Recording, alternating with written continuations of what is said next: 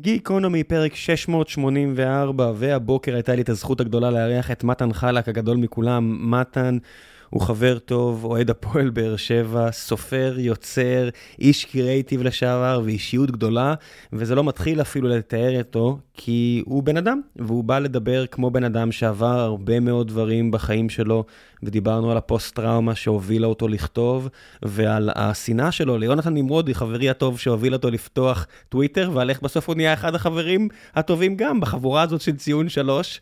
ועל כעסים, ועל מאיפה כעסים באים, ומה אפשר לעשות איתם, ועל באר שבע מול תל אביב, ועל כתיבה ויצירה, ועל ביקורות, ועל היחס למבקרים, ועל הארץ, העיר, ועל כל כך הרבה נושאים, אבל בסוף זה בעיקר על מתן. ניסיתי לא להפריע, ניסיתי לתת לו רק את הזמן והמקום שלו, כי זה בדיוק זה. הזמן והמקום שלו לפרוח, ואני מקווה שגם אתם...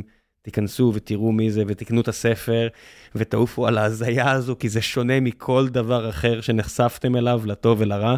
וכיף גם שיש אנשים שמאתגרים את הרגיל ואת התלם ועושים דברים שונים. אני מת על זה. ולפני שנגיע לפרק עצמו, נספר על נותני החסות. הפרק הזה הוא בחסות מקס בק, לקבל כסף בחזרה מכל קנייה ובכל מקום. מקס בק הינו כרטיס אשראי שמחזיר כסף על כל הקניות בכרטיס. לא משנה איפה ומה אתם קונים, כל הכסף מצטבר, ואחוז מכל הסכום ששילמתם חוזר אליכם. דלק, כל הקניות בסופר, ביגוד, מסעדות, אחוז זה לא מעט. בתור מי שעבד בתעשיית הבנקאות, אני יכול להגיד לכם שהחלק של חברות האשראי הוא לא הרבה מעבר לזה, אז יופי של כרטיס עבורכם. צריך להגיד שהחל מהשנה השנייה זה יורד ל-0.75%, אבל זו עדיין אחלה עסקה. ובאותה שנה ראשונה גם אין תשלום על דמי הכרטיס, שזה בכלל בונוס מגניב. כמישהו שדי אוהב את כל הנקודות והפינוקים האלה של כרטיסי אשראי, הייתי אומר שזה אחלה תחליף, רק שפה זה לא באמת תחליף כי זה בנוסף. בנוסף לאחוז מהכסף שחוזר אליכם, אתם גם זכאים לכל מה שקשור להטבות המפנקות של מקס, כולל כל הפינוקים, ה-1 פלוס 1, האטרקציות, המופעים, ההטבות, בתי הקפה, והאמת שאני מנצל את זה, וזה אחלה דרך לחסוך כסף, במיוחד בכל מה שקשור לפעילויות עם הילדים. תכף פסח מגיע, אני מניח שאתם מכירים את זה. אז התקשרו לפרטים נוספים והנפקה למספר כוכבית 8040. כל זה כמובן בכפוף לתנאי ההצטרפות, ספירת הנקודות ובהתאם לתנאי התקנון. מקסבק ההחזר יתבצע באמצעות כרטיס נטען gift card דיגיטלי של מקס ובכפוף לתנאיו. אי עמידה בפירעון ההלוואה או האשראי עלול לגרור חיוב בריבית פיגורים והליכי הוצאה לפועל, בכפוף לתנאי החיתום ולאישור המלווה. מקס איט פיננסים בע"מ, התקנון המלא באתר. צבירת נקודות מקסבק מתבצעת בגין עסקאות בכרטיס כהגדרתן בתקנון, יחס צבירה בעסקאות מול מוסדות המדינה בשנה הראשונה חצי והחל מהשנה השנייה 0.375. זהו, ועכשיו לפרק של גיקונומי, מקווה שתהנו.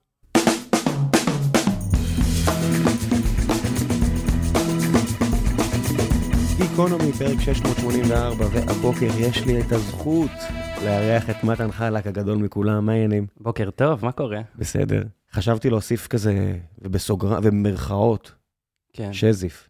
אתה יכול, זה בסדר, אני לא... די, מספיק.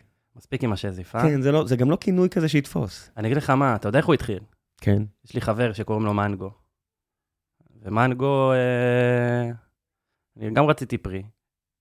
ו... ואמרתי לו, תשמע, אני מהיום שזיף. אז אני המצאתי לעצמי את הכינוי. אבל שזיף כאילו זה פרי מאפן. זה לא פרי, קודם כל זה לא פרי מאפן, אתה לא יכול להגיד שזה פרי מאפן, זה אחלה פרי. אני יכול להגיד מה שאני רוצה. אתה יכול להגיד מה שאתה רוצה, מה אני יכול רוצה. גם לא להסכים איתך, אבל... זה בטוח. אני יכול להגיד מה שאני רוצה. מאיפה, סתם ככה?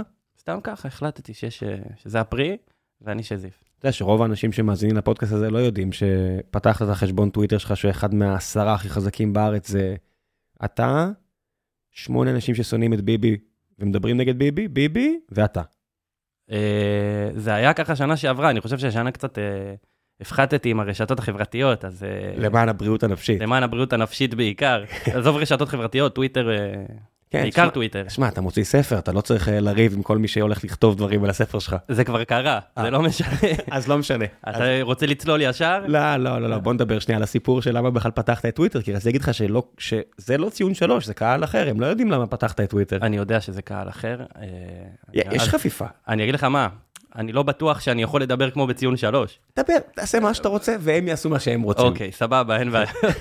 אז יונתן נמרודי, האחד והיחיד. האחד הבלתי נגמר, הבלתי נגמר. הבלתי נתפס גם. אה, שנאתי אותו מאוד. לא יכולתי לראות אותו, לא את הפרצוף שלו, לא את הדברים שהוא כותב, לא הבנתי אותו. אני כעסתי עליו מאוד, אני חשבתי שהוא נוכל. הוא פתח uh, עמוד בפייסבוק של uh, ציוצים, על, פוסטים על כדורגל, ושינה אותו לציון שלוש, זאת נוכלות. ואני כעסתי ואני עדיין כועס עליו. אבל פתחתי את זה נטו בשביל להיכנס בו בחזרה משם בדוי.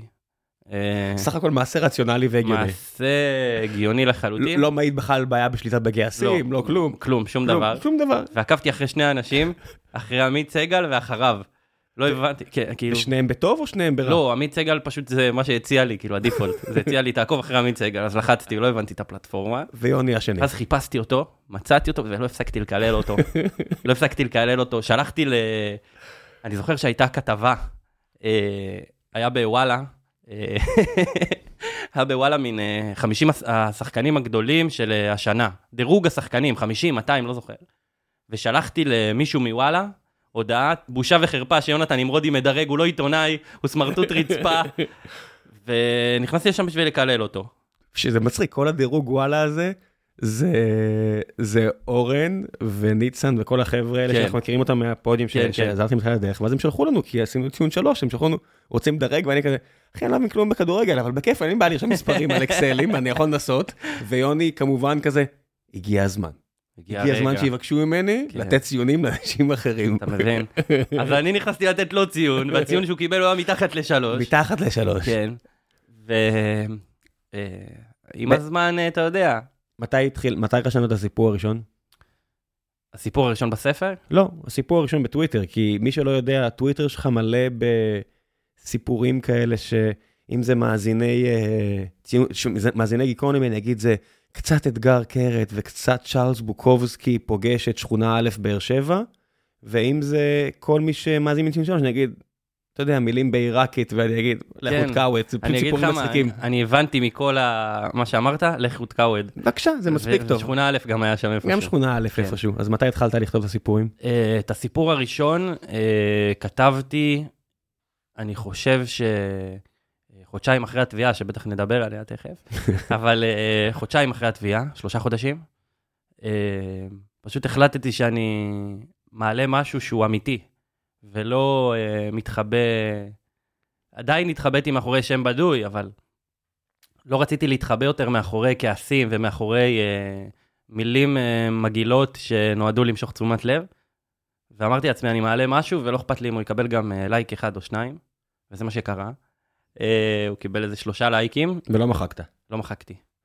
ומישהו שלח לי הודעה, אחי, מה זה החרא הזה? והתחלנו לדבר, והיום אנחנו חברים ממש טובים, כאילו ממש ממש טובים. גם אתה ונמרודי. כן, אתה מבין? החיים, אה, החיים זה גלגל. כן. ושם בעצם התחלתי לכתוב בטוויטר. אה, עוד סיפור ועוד סיפור ועוד סיפור, ופתאום אחרי חצי שנה בערך נסעתי לטבריה, לנופש של משרד הביטחון, אני נכה צה"ל, ופשוט החלטתי לתעד מה שקורה שם בטבריה, וכתבתי את זה, ולא ידעתי אפילו לעשות, uh, בטוויטר יש אפשרות לעשות שרשור אחד, אני לא ידעתי, פשוט צייצתי אחד אחרי השני בתור תגובה, כי לא הבנתי מה קורה שם. אני התחלתי עם זה רק לפני כמה שבועות, ואני לא ממש מכור לטוויטר. אני לא מאמין לך. גם אני לא ידעתי, לא, אחי, זה... אתה יודע שיש פלוס בצד? כן, אתה מבין, זה הקטע, דברים שמפתיעים אותך שאתה לא יודע או יודע, או חווה אותם, ופתאום אתה מגלה שיש עוד, ותכף נדבר על זה, קראתי את הספר שלך, ואני, ואני מרגיש אישית שאני בטוח שיש הרבה אנשים שאומרים, מה זה החרא הזה? כאילו, ברור. מה זה הזיה הזה? אני לא מצליח להבין מה קורה פה. ואתה יודע מה הדבר היחידי שעובר לי בראש? כן. זה שיש לי מלא סיפורים כאלה, ומהרגע שעברתי להיות תל אביב, כי כבאר שבע, ותכף נדבר גם על זה, אתה די שונא את תל אביב, או ממש שונא את תל אביב, את כל מה שתל אביב מייצגת, וברגע שעברתי להיות תל אביב, אין לי יותר את הסיפורים האלה, הם נעלמו לי. הם נעלמו כי... והם הופכים להיות הזיה מבחינתי. ברור, אבל אתה מבין שזה, ה... אתה יודע, כאילו, באת מבאר שבע. אני זוכר, אני זוכר, אתמול נסעתי עם שמי, קרוב משפחתך כן. למשחק נגד מכבי תל אביב, ואני מריץ לו סיפורים, אני אומר לו, אתה יודע, עכשיו שאני מספר את זה, אני, אני לא בטוח אם זה קרה או לא קרה, אבל אני די בטוח, אני די בטוח שזה דברים שקרו. דברים שקרו, אבל אני אגיד לך מה, גם, אה, לא סתם קראתי לספר אנשים שפגשתי בדמיון, כי אה, רוב הסיפורים, הרוב המוחלט של הסיפורים לא מבוסס על כלום. לא מבוסס על uh, סיפורים שקרו באמת, uh, ולא מבוסס על uh, אנשים כאלו ואחרים ששיניתי להם את השם. רוב הסיפורים פה uh, הם uh, אני פעם ראשונה אומר את זה, כן? זה קצת מוזר לי להגיד את זה בקול, אבל זה תוצר של הטיפול. אה, פסיכולוגי. פסיכיאטרי? אה, טיפול EMDR, שזה טיפול אה, בעצם שמשלב, אה, אה, אני לא יודע אם לקרוא לזה היפנוזה בכלל, זה סוג של אה, אה, שילוב בין, אה, בין פסיכותרפיה לבין אה, אה, מגע ורעשים וצלילים ותזוזות עיניים, אה, שבעצם מחזיר אותי כל פעם לחוות מחדש את האירועים הפוסט-טראומטיים שעברתי בצבא ובמילואים. אה, ובעצם, אחרי כל טיפול כזה, הייתי יוצא פשוט עם אפס כוחות, אפס כוחות לעולם, הולך לישון, וזה בדרך כלל טיפולים בבוקר, כי זה קשה לעבור אותם בערב. וכשהייתי מתעורר בשתיים, שלוש בצהריים, כמו סמרטוט, הייתי פותח את הלפטופ ויושב, עזוב את הלפטופ, את הטלפון. לא היה לי לפטופ עד לפני שנה, לא הרשיתי לעצמי, לא הרשיתי לעצמי, כי אמרתי לעצמי, בואנה, כאילו, אני לא, זה לא העבודה שלי לכתוב. אני אכתוב מהטלפון והכל בסדר. ועל להתייחס לעצמך כמו זבל, אנחנו גם נגיע לזה, אבל כן. אכלתי את הראש? אני לא יודע אם אכלתי את הראש עכשיו, אם אכלתי לך את הראש, לא, זה טוב, זה בסדר. כן. אנחנו מדברים על אה, טיפולים, אכילת כן. ראשים זה אחלה. ופשוט ישבתי וכתבתי סיפור, על, uh, שמסביר בדרך כזו או אחרת את מה שאני מרגיש באותו רגע, דרך דמות? דרך דמות. Uh, ב-2019 נכתב הסיפור הראשון שמופיע פה בספר, מי זה מהם? uh, תדסה מלסה. Uh, ותדסה זה סיפור שנכתב, uh, הוא ספציפית נכתב על חבר. חבר באר שבעי, זה לא השם שלו. אה, שגדלנו ביחד, ואני זוכר שזה היה ב-2019, וישבתי, גרתי אז בגבעתיים, ובדירה שהייתי צריך להרים אה, ג'וקים כל בוקר, הייתי יודע שמחכים לי שישה, שבעה ג'וקים, הייתי מרים אותם עם כף, אמיתי, עם כף, לא כף, אה, לא כף של אה, ניקיון, כף, כף, כף קטנה, כף, כן. כן, הייתה לי את הכף של הג'וקים, זה נוראי, זה, חלאה, הייתי חיה רעה. והרמתי את הג'וקים והייתי זורק אותם מהחלון, מקומה ראשונה, על גג של אה, אה, חנות של אוכל מוכן, וגם הייתי קונה ממנה את האוכל, אגב. ו... אתה מבין שבן אדם נורמטיבי לפני אלף שנה שואל, מה הורג את הג'וקים בעצם שהם באים לדירה שלי והאם אני צריך לפחד? עשיתי ריסוס, עשית אבל ריסוס. פשוט, זה, הוציא אותם, אני לא יודע למה, אבל... לא חשבתי לסגור את החור מאחורי הכיור, יאללה, אולי אם הייתי סוגר אותו, הם היו ממשיכים לדרכם למעלה. כל החיים היו אחרים. כן, כן. וקיבלתי אה, אה, מה שנקרא התקף פוסט-טראומטי, אה, שלא הייתי מודע לזה שזה התקף פוסט-טראומטי. לא הבנתי מה קורה לי, ופשוט הייתי שלושה חודשים בבית. שלושה חודשים, ארבעה חודשים, בלי ללכת לעבוד. מזל שעבדתי במשרד שנקרא שמעוני פינקלשטיין, ודודי הבעלים אה, אמר לי, הכל טוב. אה, כי הוא הבין שפחות הגיוני שבן אדם. אה, שלושה חודשים כן. ננעל בתוך הבית. והיה שם גם מנהל קריאיטיב בשם טל פרלמוטר, הם אמרו לי, הכל טוב, תהיה בבית כמה שצריך, אנחנו לא נפגע לך במשכורת, המשכורת נכנסה. וזה לא טריוויאלי לעולם הפרסום, בטח לא לפ- שלפני חמש שנים, ארבע, חמש שנים. וישבתי בבית, והרגשתי רע, ואני זוכר שהתקשרתי לטל, שהיה מנהל קריאיטיב שלי, ואמרתי לו, טל, תגיד, אה, אני לא יודע מה לעשות, אני, אני משתגע, אני מרגיש שאני משתגע. הוא אמר לי, תכתוב את מה שאתה מרגיש. אמרתי לו, אין, אני לא, לא מסוגל לכתוב על עצמי. אז אמר לי, תכתוב דמות. אמרתי לו, אוקיי, רעיון. וישבתי וכתבתי מה אני מרגיש דרך הדמות הזו, של תדסה. אה, הרגשתי תחושה, כשסיימתי, הרגשתי, וואו, מה קורה לי בגוף, איזה דבר, איזה כיף, איזה, איזה, איזה תחושה טובה. ושלחתי לו את הסיפור, ושלחתי לו עוד סיפור אחר שכתבתי על תל אביב. הוא אמר לי, שמע, הסיפור על תל אביב זה הדבר הכי בלתי נסבל שקראתי בחיים שלי. זה כאילו אה, כל מי שיושב בנחמה וחצי ומנסה למכור תסריטים, אה, כותב את זה כאילו, ב- אתה יודע, מתוך שינה בפתקים, תתקדם, תכתוב את מה שאתה... דבר כזה לא קראתי. מה זה היה הסיפור על תל אביב? כתבתי סיפור על כמה שתל אביב אה, היא עיר אה, שקשה לי להבין אותה, ו... אה, מלנכולי כן. על הגג. בדיוק. זאת עיר שכל הבודדים באים אליה כדי להיות בודדים ביחד. אתה יודע, משפטים כאלה, ואני אומר לעצמי, די, כל האוננות הטקסטואלית הזאת כן. שלא מעניינת אף אחד. לא מעניין. אף אחד. מלבד האנשים שזה כביכול מעניין אותם, אבל הם לא קוראים את הדברים האלה. אבל הם לא קוראים את זה. לא. כי הם כותבים את הדברים האלה. בדיוק. הם- הם הצרכנים של זה, והם לא קוראים אחד את השני גם. הם- כן. אבל הם כן יעופו אחד על השני בתגובות. אבל אני הייתי בטוח שהסיפור על תל אביב הוא הרבה יותר טוב, כי ככה כותבים, לא? ככה... ככה, זה מה שאנשים מצפים לראות, לשמוע, לקרוא. ו... ואז אמרתי לעצמי שלא כל כך מעניין אותי מה... מה יהיה לאנשים אה, להגיד, כי אני לא מתכוון לפרסם את זה באף מקום, אני מתכוון לכתוב בשביל עצמי, אז זה לא משנה. ובמשך שלושה, ארבעה חודשים כתבתי עוד דמויות אה, שמופיעות בספר. וזה עדיין לפני שאתה מוציא את הסיפור הראשון בטוויטר? בטח, ברור, זה שנים לפני שהוצאתי את הסיפור הראשון בטוויטר, זה בערך שנתיים לפני, שנתיים וקצת. אה, ו... וכתבתי כמה דמויות. לירן פצ'אצ'י לדוגמה, זה סיפור שכתבתי ונמצא פה בספר, וכתבתי באותה תקופה. אה, יקיר וניקולאי, זה סיפור שכתבתי באותה תקופה. וזהו, אני יודע... ל... ואז התביעה? לא, ואז קורונה. ואז כן. קורונה. כי זה 2019, אתה תקוע בבית שלושה חודשים. תקוע בבית שלושה חודשים. ואז כל העולם אומר, בואנה, בואו נהיה גם תקועים בבית. בואו נהיה גם תקועים. תראו מה זה, הוא תקוע בבית והוא מוציא סיפורים. תקשיב טוב, זה הדבר הכי טוב, הקורונה זה הדבר הכי טוב שקרה לי בחיים האלה, כי הלכתי לאיבוד, הייתי גמור, לא הצלחתי באמת לזוז, לא הבנתי מה קורה לי, ופתאום כל העולם בבית. כל העולם לא בסדר, כולם עצובים, וזה בסדר להיות עצוב, וזה בסדר לא להרגיש טוב. ו... עד לאיזה רמה כאילו אתה בבור? באותה תקופה? ברמה שאתה רואה את אה, איציק סעדה ואתה אומר וואלה רעיון טוב, או ברמה של... לא, לא. לא, לא להגזים. לא, לא, אני אגיד לך מה, לא הגעתי לשם. Uh, אני חושב שזה מאוד עדין. Uh, כל הנושא של פוסט-טראומה הוא מאוד עדין, וזה הרבה תלוי בסביבה שלך. זאת אומרת שאם הייתה לי סביבה, אני לדוגמה לא דיברתי על זה עם אף אחד, מלבד שני אנשים, שזאת ליאור, אה, ארוסתי, שבאיזשהו שלב פשוט אמרתי לה הכל, והיא הכריחה אותי ללכת לטיפול, התחלתי טיפול אז. כבר הייתם ביחד אז? היינו ביחד, כן. אנחנו שבע שנים ביחד. ו... היא צריכה לקבל צל"ש? כן. אבל שנה וחצי היינו פרודים. אה, לא מאשים אותה. לא מאשים אף אחד, לא. כן.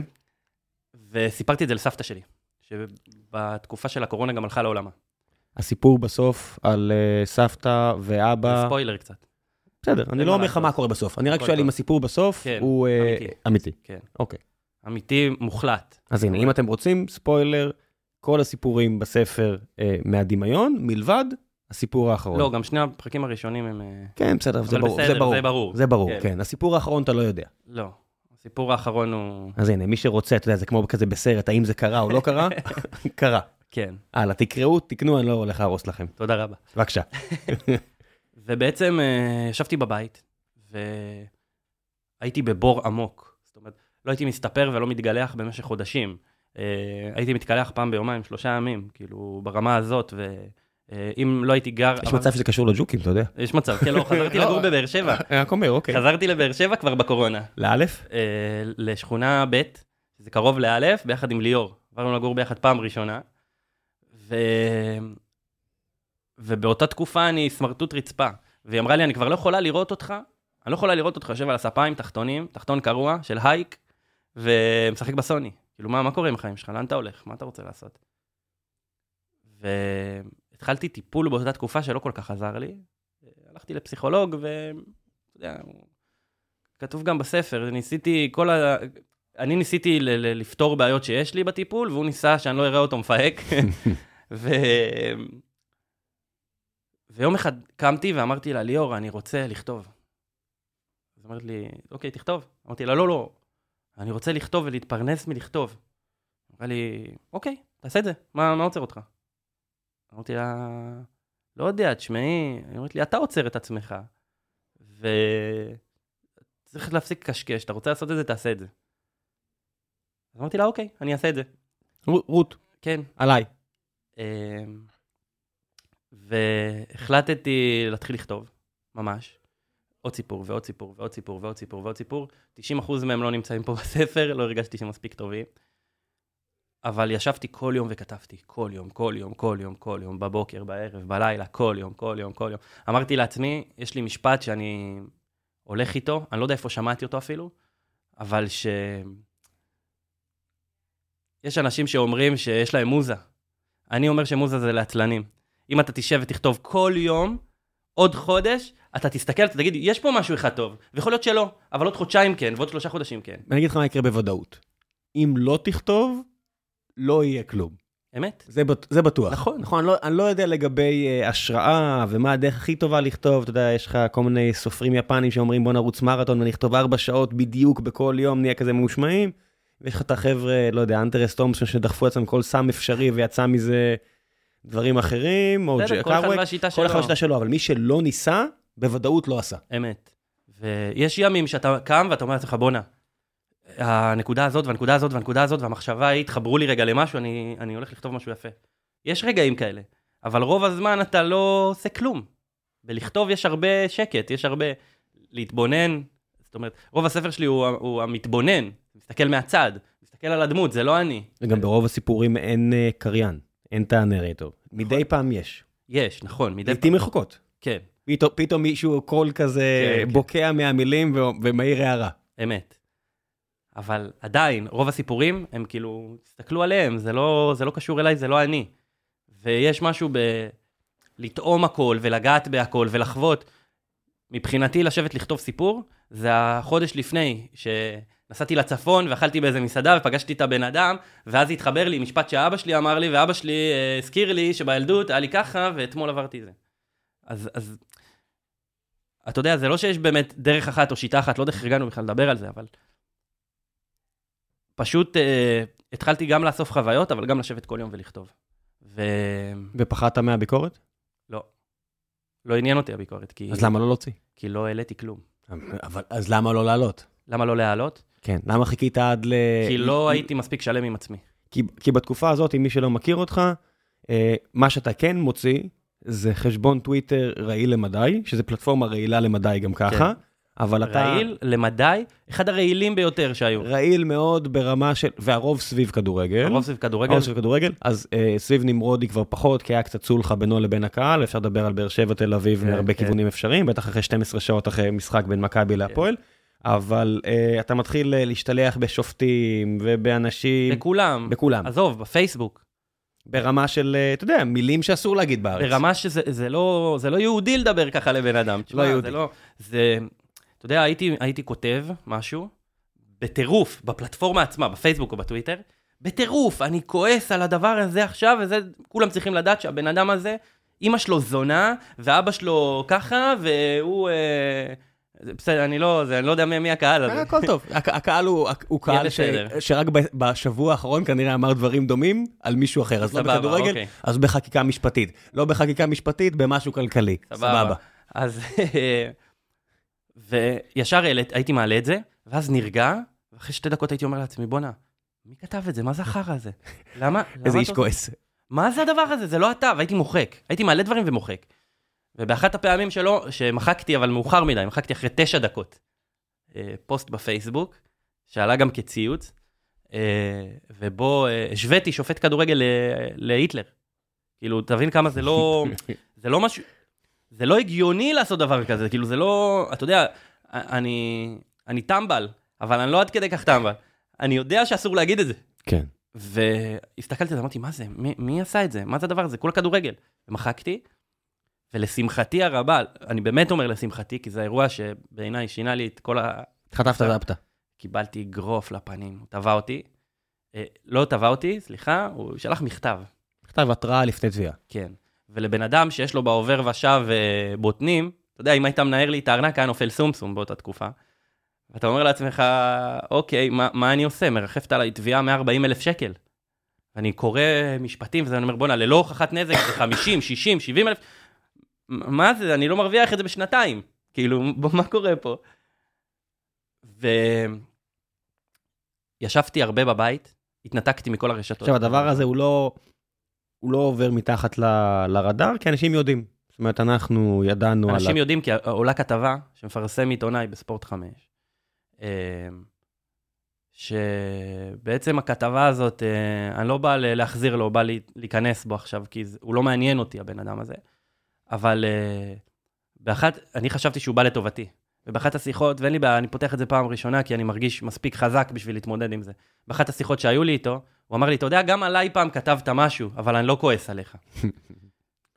ואמרתי, אוקיי, לא הבנתי מה זה אומר באותם רגעים. ואחרי שהסיפור נגמר, אה, כבר נגמר, זאת אומרת, הייתה פשרה. רגע, אז יש תביעה, כן. אמ, אנחנו לא נציין עם מי ו- ומה כן, ומה כן. בדיוק נאמר, כי אתה יודע, זו תביעה משפטית, כן. אבל אה, הרבה אנשים שמאוד אוהבים אותך, מיד אה, חשבו איך אפשר לעזור, באמת. כולל אה, משה פרימו. האגדי, שהוא טבע ראשון את המונח ציון שלוש, שיוני שאל.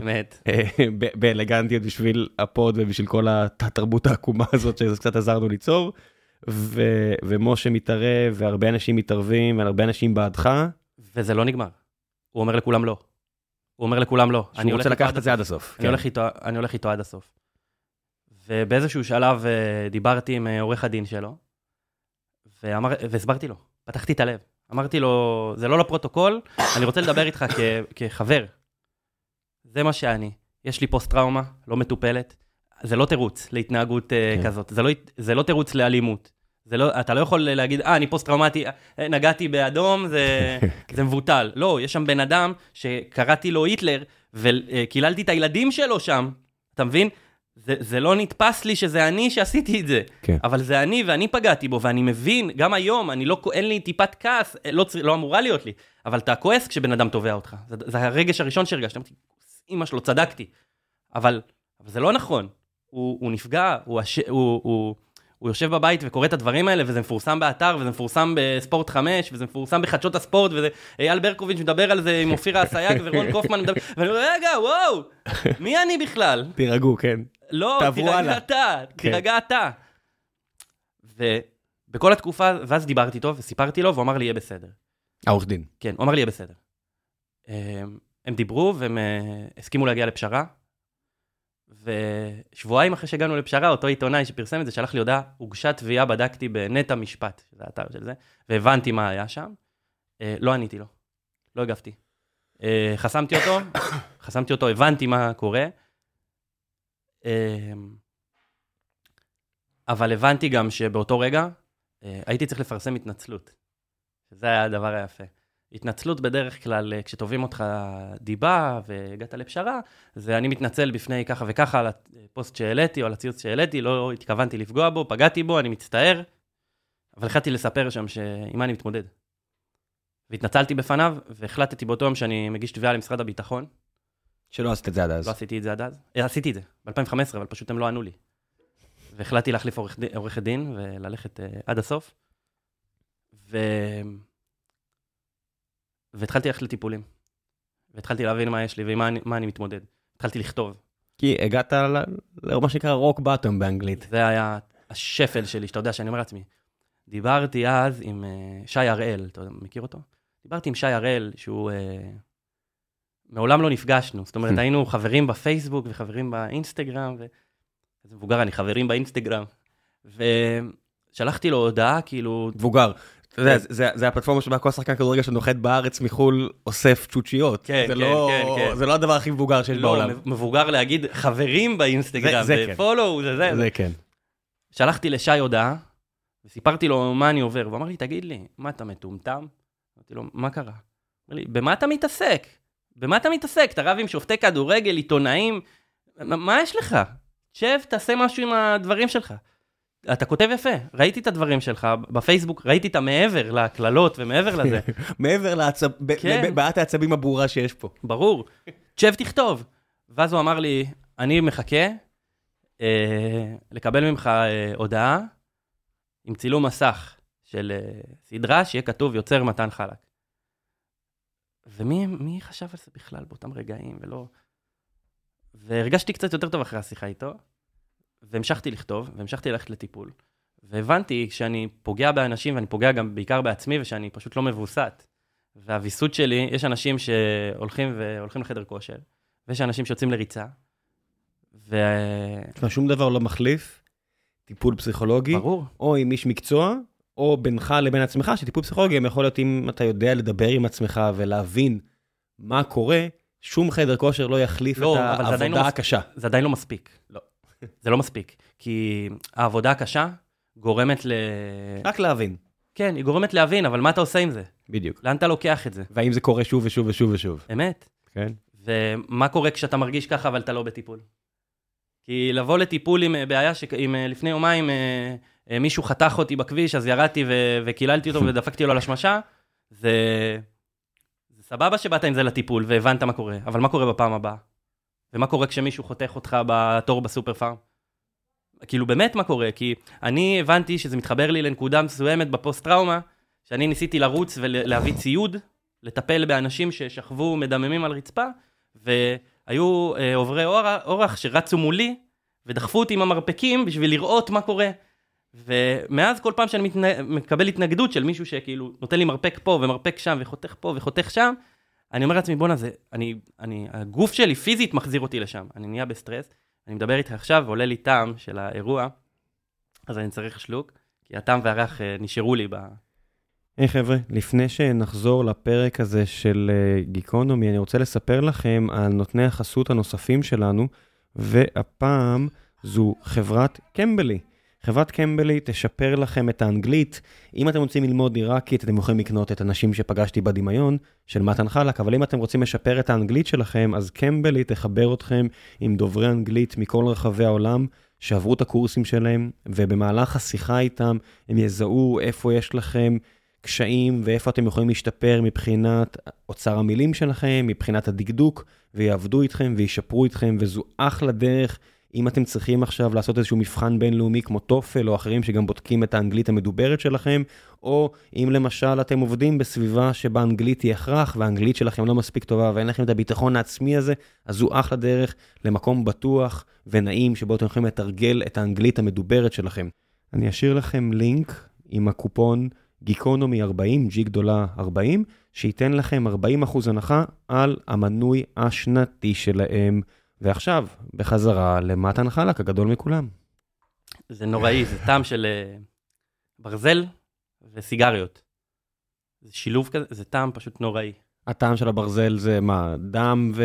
והסיגריות, כי כן. פשוט, כי זה הרגש הכי חזק שדחפת מלא מלא עשן לריאות אח... אחרי זה. כן, אחרי שנגמר האירוע, פשוט אה, ביקשתי סיגריה, וביקשתי סיגריה אה, ממקום לא מודע, שסיגריה היה הדבר שהכי מרגיע אותי, למרות שלא עישנתי, כי סבתא שלי הייתה מעשנת סיגריות בשרשרת, וכל פעם שהייתי בא לדבר איתה, עם הסיגריה במאפרה והריח. אז זה הרגיע אותי, אבל זה נצרב לי, וכל פעם שאני מדבר על האירוע, סליחה, כמו עכשיו, הפה שלי מתייבש, ועולה לי הטעם ועולה לי הריח, ואני מרגיש את השרירים שלי נתפסים, בגלל זה אני גם משחק עם הידיים כל ה... כל אחד ושלו, אתה יודע. כן. אתה כועס על זה שזה קרה דווקא לך? לא. כי לא כל אחד, אתה יודע, שעובר דבר כזה ומגיש סיוע והכול, יישאר לו החותם הזה, אבל לך קרה. אני לא יודע אם אני כועס שזה קרה לי, כמו שבמשך שנים הרגשתי אשמה גדולה. מה, שלא ש... עשית יותר ולא כן, עזרת? כן. Uh, אתה מרגיש אשמה עצומה. ועם הזמן למדתי לשחרר ולהבין שזה לא, כאילו, אף אחד לא סופרמן ואף אחד לא אלוהים ואף אחד לא יכול לשלוט על... Uh, על כלום, על שום דבר בעצם. אנחנו יכולים לשלוט על, ה... על הדברים הפשוטים שלנו. אולי הגבת בזמן, אולי לא, זה מה יש, אתה יודע, זה עבר. זה, זה היה וזה עבר. נכון. ומה שהכי מטורף זה שאני זכרתי את כל האירוע מלמעלה בכלל. כאילו, המוח שלי התנתק באותם רגעים, וכל הזיכרונות של האירוע היו לי מגבוה. זאת אומרת, כאילו, אני מסתכל על האירוע, אה, לא יודע איך להסביר את זה. כמו שאתה מסתכל ממטוס למטה. זאת הזווית. ו... מחוץ לגוף. מחוץ לגוף. מחוץ לגוף מוחלט, לא הייתי בגוף שם. אה, אני גם זוכר את הרגע שפתאום הייתי בגוף, זה עם הסיגריה. ואם הייתי מדבר איתך על זה לפני uh, שנה, אפילו, שנה, לא יודע אם הייתי מצליח להמשיך את שגרת היום שלי. כי מה? Uh, וגם עכשיו, אני לא יודע איך אני אתמודד עם זה, עם השיחה הזאת. כי מה? על זה. כי זה, זה פותח לי דברים שלפעמים עדיף לא לפתוח אותם. ופיזית, פיזי, אני, יש אנשים שיש להם, אה, שחווים פלשבקים. אנשים שעברו אה, אה, פוסט-טראומה בצבא, או נשים שלא נדע שעברו תקיפה מינית. קופץ את המחשבה. הם, הם שם, הם, הם, זה לא קופץ את המחשבה, הם, הם חווים את זה שוב. אני חווה את זה שוב פיזית. אז מה שקורה לי זה שאני לא מרגיש, אבל פתאום אני נהיה מתוח, ופתאום השרירים שלי, ופתאום אני נהיה עצבני, ופתאום אני כועס, ופתאום אני לא מפוקס, ואני נכנס לתוך בועה. אני מרגיש שאני ממש בתוך בועה, ו... כמו, ב, כמו בסרטים שקורה איזה אירוע, והשחקן מסתכל קדימה ורואים דברים זזים בצד בהילוך איטי, ככה אני רואה את זה, אני, שומע, אני לא שומע טוב, אני לא רואה טוב, אני ממש בתוך בועה. וכמה זמן לוקח לך לצאת מבועה כזאת? Uh, היום או אז? היום, אז. אז, אז uh, הייתי חווה דיסוציאציה בערך uh, אה, 30 פעמים ביום, אי אפשר לחיות ככה. Uh, אבל אתה לא מודע לזה גם. זה מה שאתה עובר. אתה אומר לעצמך, אולי יש לי כאב ראש, אולי זה מהבנגים שהייתי עושה.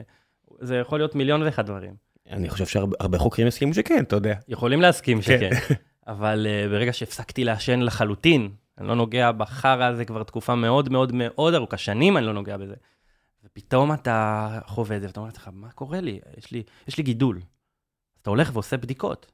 אומרים לך, תקשיב, הכל טוב. אתה אומר, לא יכול להיות, תקשיב, מפספסים משהו, אני הולך לעשות MRI. אני אשלם עכשיו אה, למרפאה פרטית שתעשה לי MRI, אני אוציא כסף. מכון מר, באר שבע, ליד כן, הרכבת. כן, כן, כן. הבלתי נגמר. הייתי שם. כן.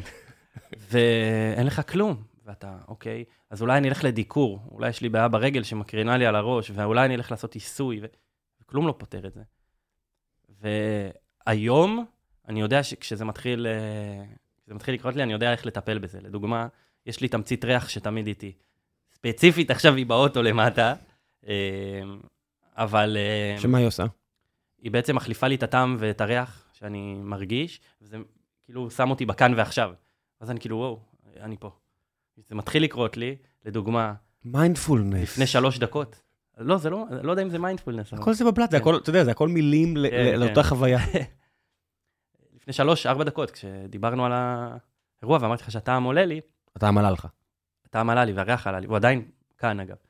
אבל התחלתי uh, להרגיש שאני טיפה רגע יוצא מפוקוס ולא מקשיב ולא לא מאוזן, התחלתי לשחק עם הידיים וללחוץ על האצבעות, וללחוץ על היד ממש, ולתת לעצמי קצת מכות קטנות בלי שישמעו, בשביל להתקרקע, בשביל להיות פה. כאילו, אני כאן, הכל טוב, אני מרגיש את הכאב הזה, אז אני, כן. אני כאן.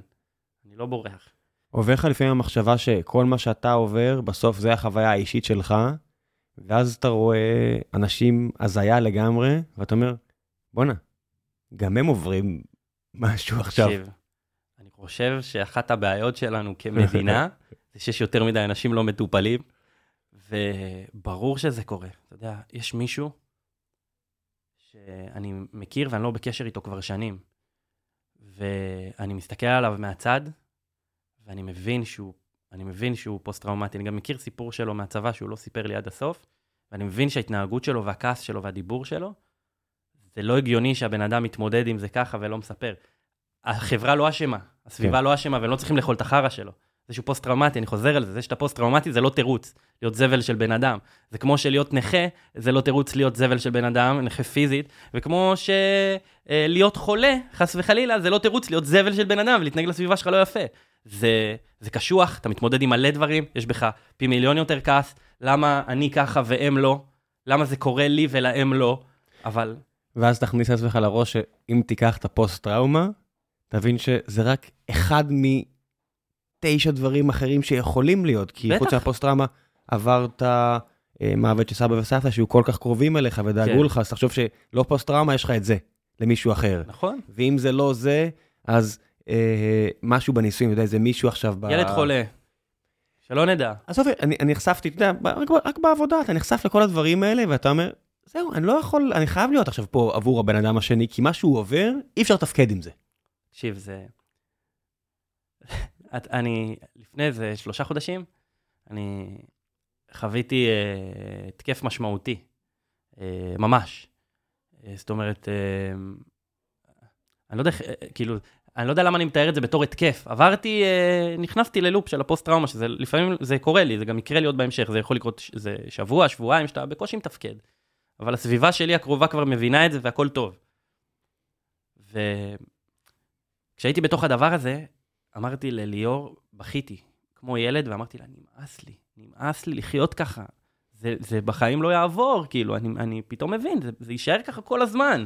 לא משנה כמה אני אנסה להצליח בחיים האלה, ואני אעשה דברים, ואגשים חלומות. זה שם. אני כל יום קם וזה שם. ושעה אחרי, אני מקבל הודעה בטוויטר מבן אדם שאני לא מכיר, שאומר לי, תקשיב, אה, יש לנו חבר שנפצע בפיגוע, והוא אוהב אותך, ויש מצב, אתה עושה לו איזה סרטון קטן, אכפת לך שנייה לשים את המשבר האישי שלך בצד ולבוא לעזור למישהו אחר? אחי, זה, זה הדבר הכי טוב שקרה לי בחיים. כאילו, אני סתם קצין. כן. זה הדבר הכי טוב שקרה לי באותה נקודה. כי אמרתי לעצמי, אוקיי, כאילו, בטח, ברור, אני... אם בן אדם פונה אליי, קודם כל, זה, זה החוק שלי. אני עונה לכולם. לכולם. לא משנה כמה הודעות, כמה תגובות, אני עונה לכולם. ברשימת הדברים הכי פחות חכמים שאתה יכול לעשות בפודקאסט. עם 20 אלף האזנות, זה להגיד, אני עונה לכולם. לא, זה בסדר, הכל טוב. אני, משתדל לענות לכולם. שבוע אחרי זה. ראם, זה לא היה טוב, עשיתי ראם, זה טעות. לא נורמלי. לא, אבל אני חי בשביל זה. אני כותב בשביל זה, בשביל הרגעים האלה שבן אדם יגיד לי, בואנה, הייתי בחרא רצח, קראתי את הזה, העלית לי חיוך. בואנה, הייתי בתקופה מסריחה, קראתי את הסיפור שלך, נכנסתי לתקופה עוד יותר מסריחה, הצבת אותי, אבל הבנתי גם דברים. מבחינתי, אני חי בשביל זה, ואם בן אדם, יש לו, אתה יודע, אה, מחליט שבזמנו הפנוי, לכולנו קשה פה, כולם מתמודדים עם משהו. בזמנו הפנוי, הוא יושב וכותב לי משהו מהלב, וכותב לי איזה הודעה, ואומר לי, בואנה, חיזקת אותי, בואנה, אהבתי, בואנה, לא אהבתי. שנאתי את מה שזה. I don't get it. לא הבנתי מה אתה רוצה ממני. מה זה קדאווה? למה אתם בועטים אחד לשני בבאר שבע? אני אומר, אם בן אדם מתנהג ככה, ושולח לי, והזמן שלי לא יותר יקר מהזמן שלו. אני אענה לו, ואני אהנה מזה. וברגע ששלחתי לו את הסרטון, קיבלתי סרטון בחזרה שלא רואה את הסרטון שלי, מדבר, מברך אותו, פשוט הרגשתי כאילו, אתה יודע, תחושה של בואנה, כולם מתמודדים עם משהו, ברוך השם שאני, יודע, שזה מה שיש לי. כן. יכול, יכול להיות לי דבר אחר, יכול להיות, כאילו, יכלת גם להיות בצד שמנסים לעזור לו ולא מצליחים. נכון, בוא. ברור. אתה יודע, זה, זה בסוף כמה סנטימטרים לפה, כמה סנטימטרים לשם. אה, כן. זה המשחק. אגב, אין למשרד הביטחון ולצה"ל ולכל היחידה לתגובות קרב שהם הקימו, אין שום קשר, אין להם קשר בכלל למצב שבו אני נמצא היום. אה, אם לא הייתי, אני תבעתי אותם ב-2015 על פוסט-טראומה, ולא החזירו לי תשובה עד שהחלפתי עורכת דין, ואז היא אמרה, אה, כן, הם אמרו שמסמך תקוע, שם שהיית צריך לחתום. אף אחד לא דיבר איתי על זה במשך שנים. ואם לא הייתי עושה את זה, ומרגיש מספיק חזק, אם לא הייתה תביעה, ולא הייתי מבין שיש לי בעיה, ולא הייתי מרגיש מספיק חזק בשביל להתמודד עם זה, בשביל להיכנס ללופ הזה של תביעה עם משרד הביטחון, עצם זה שאתה אומר, אני הולך לתבוע משהו, אני, רגע, זה לא מגיע לי בלי לתבוע אותו? אני באתי. קראתם לי באתי פעמיים. כן. כן. פעמיים עברתי אירועים קשים. מה, אתם... ה basic זה לטפל בך. ורק כשעשיתי את זה, אז הם אה, שלחו אותי למטפל, שהוא עזר, הוא, עד היום אני אצלו, שעתיים בשבוע. ו, ואני מודה להם על זה. אבל אתה יודע כמה כאלה שלא היה להם את הכוח לעשות את זה? בואנה, איציק סעידיאן, דיברת עליו מקודם. הבן אדם, כן, קראתי לו בשם בסעד, אבל זה סעידיאן, נכון? סעידיאן, כן. הבן אדם קיבל 25 אחוזי נכות, אוקיי? אני 20 אחוז, אני מתפקד, אני קם. אתה יודע, זה לא הגיוני שהוא 25. פוסט-טראומה זה עד 50 אחוז. אי אפשר כן. לעבור את ה-50 אחוז. כן, מי שלא יודע, יש טבלה בצה"ל, נגיד כן. אני איבדתי אגודל, כן. אז אגודל בשמאל, אם זה קטיעה מלאה, 15, הקטיעה יד דומיננטית, 20. כן. יש לנו מישהו ב, ביחידה שחטף כדור בעין, יצא מהלב. כל מיני כאלה, אז זה 30 אחוז. כן, יש לך כן, צלקת, ככה. יש לך 40 אחוז. אח שלי כן. חטף כדור בגב, אז יש לו צלקות, פוסט- פוסט-טראומה, פלוס זה. נגד אפסנאות שהרים קרטון של אה, הגב. מדי ב', אה, זזה לו חוליה 50 אחוז. אתה אומר, "אה, איך זה יכול להיות? כי, כי בסוף. צריך שיטה כלשהי. בסוף צריך משהו, והמערכת כל כך גדולה ולא גמישה, שהיא היא מוותרת, היא לא יודעת. אתה יודע כמה... אני לא נותן תירוצים, כן? אני לא, רק לא, אומר ברור. שזה... ברור. אגב, האנשים שם, בתוך המער... בתוך הגוף, אנשים מדהימים. שמנסים, שרוצים לעזור. כן. לי יש עובדת סוציאלית בשם כרמית, שהיא, מ- תקשיב, היא מפרפרת, וכל פעם שאני צריך משהו, היא שם, והיא תמיד, תמיד זמינה. תמיד, ועבודה סוציאלית זו העבודה הכי קשה שיש במדינה. הכי לא. מוערכת, הכי קשה. הכי קשה, עם הכי כן. מעט כסף, ביחד עם הורים. ו... לא, אחי, הורים בחרת. הורים זה שלך. מורים, מורים, אה, מורים, כן, סליחה, כן. לא, לא הורים. כן, כן. הורים זה אתה יודע, אני... כן, כן, מור- מורים ועובדים סוציאליים, לא, עזוב, עובדים סוציאליים זה כן. זה משלהם. זה. משלהם. אחים, אחיות ועובדים סוציאליים, באמת, אני שם את זה בטופ, כן. עזוב, אני, אשאל אותך שאלה, ראם. אתה יודע כמה קצבה חודשית מקבל אה, מי שנמצא ב-19%? ההבדל בין 19, אפס. 19 זה תשלום חד פעמי. של פעם, כשאני נפצעתי זה היה אה, זה משהו- מתחת ל-100 אלף, היום זה כבר קרוב 180, ל-200 כן. אלף, זה שודרג כמו כל כן, דבר כן, בצה"ל. אה, מעל 19 זה כבר יש לך את כל הנופש 20%. בטבריה. לא, לא, רגע, רגע, רגע. כי? אני מדבר כסף. אמרתי, מעל 19 אז יש לך את כל ההטבות, פלוס תשלום קצבה חודשית עד סוף, עד רגע שאתה מת. כמה הקצבה של 20%? 1,100? אלף, אה, כן, משהו כזה. טוב, כמה. קצבה של 25%? כבר כפול, 2,500? לא. כמה? 1,400 ומשהו עכשיו. ובעצם, אה, כשאתה... ה- ההבדל הוא לא בכסף, הוא לא משמעותי, אלא בדברים שאתה מקבל בתמיכה מסביב, אוקיי? מה איציק ביקש? הוא ביקש שיקנו לו פרארי, או שייתנו לו מזרטי, או שיחזירו לו, או שפשוט תדאגו לו לטיפולים כמו שצריך. מה הוא כן. ביקש? הבן אדם, אתה יודע, הבן אדם אה, היה צריך לממן מה, מהכיס של עצמו דברים שהם הכי בסיסיים. בואנה, אתם יודעים מה הוא עבר בשבילכם? כאילו, זה שלנו, זה, זה בשבילנו, בשבילי ובשבילך. וככה מפקירים אותו? וכמוהו עוד אלפים. עכשיו, אני חושב שטיפה יותר מאלפים. לא, יותר מה... ברור שיותר מאלפים, אני אומר כמוהו עוד כמוהו אלפים. במצב הכי קשה, במצב. הכי קשה. כן. ולפני כמה חודשים התאבד אה, עוד אחד, מישהו שמע על זה. הייתה איזה כתבה איפשהו וראיתי קצת בטוויטר, אבל טוויטר זה בועה. לא היה כזה רעש על אה, עוד אחד. הנה כן. עוד אחד. התחתנו אני וליפז בניו יורק, וביום שאנחנו מסתובבים שם, יולי, אני בחליפה, מזיע כמו איזה קרח מגעיל נוטף זיעה עם חליפה של פימפים, עוברת מולנו, אה, וכל, אתה יודע, כל החבר'ה השחורים עושים לי, נותנים לי פיסט במפ על החליפה של הסרסורים, ועוברת תהלוכה של וטרנים של הצבא האמריקאי, והם מחזיקים שלט של אה, כל יום אחד. ואז אתה מגלה מה זה אומר כל יום אחד. כן. ואתה אומר, וואו, וזה פיצץ לי את השכל, כמו שקרה לי, וזה החזיר אותי, אתה יודע, שש, חמש שנים אחורה, אני ב... ש... עשר שנים אפילו אחורה, אני פעם ראשונה בסן פרנסיסקו, עיר שהיא כל כך עשירה ברמה שזה מגעיל, ומצד שני כל ההומלסים ברמה של לא פייר, זה לא הגיוני. וראיתי שם איזה, אה, זה היה לא הרבה שנים אחרי השחרור, ואני רואה שבן אדם מחזיק שלט, אה, אני רוצה שתדעו מה עובר עליי. אני וטרן, חזרתי מאפגניסטן, אני לא מוצא את עצמי, אין לי בית, אין לי אוכל, אני מתחיל לפרט, אני מנסה, אני באמת מנסה, בואו, שבו איתי, תעזרו לי, אני אספר לכם. ואתה יודע, אתה יודע, אנחנו עוברים את הדברים האלה ביום-יום, כמו שאתה אומר, עם איציק ועם האחרים, ואנחנו פשוט ממשיכים הלאה. והלכתי, הלכתי, ואז היה לי שקיות ביד שעשיתי קניות. והרגשתי כל כך מגעיל שאני מוציא על הקניות, ואני קורא את השלט הזה, ואמרתי, ספר לי, אתה יודע, אני רק לפני כמה שנים השתחררתי, אין לי פוסט-טראומה, לא יודע, אין לי. עברתי דברים, עברתי גם את הפיגוע אז בשרונה, אה, אין לי. אמרתי, אני רוצה לשמוע מה יש לך. הוא מתחיל לדבר, ואמרתי, וואו, זה, זה, לא הייתי יכול לתפקד, כאילו, אתה יודע, אם זה, אם זה אצלי, אז אני במקומך, יושב במקומך, וזה, וזה מה יש. אתה יודע, וכמה כאלה יש בארץ? כאילו, מלא. מלא, מלא, ולא יש- רק, רגע, משפחה כמה, זה אגב, לא... לא רק מהצבא. אתה... תאונת דרכים. עזוב תאונת דרכים, אז אז- עזוב, שפה, פה עבד איתנו מישהו באר שבעי, שאני אוהב עוטף אותו. עזה ילדים. כן. אז, אז אני אומר לך, בן אדם שעבר תאונת רכבת, וזה הפך אותו לגמרי. ברמה שעכשיו הוא צריך להתמודד עם זה. אה, אולי לא, לא, לא. לא תחת שלי. לא, לא. אוקיי, לא, משהו אחר. לא. ו... לא משנה, בכוונה כן, אמרתי, אולי זה כן, היא, כן, אולי כן, זה הוא, כן, אני. עברתי הלאה. נכון, ו... כן, לא, במקומי לחשוף. נכון. אבל. צריך להתמודד עם דברים, כי זה מה יש. עכשיו צריך להתמודד עם זה.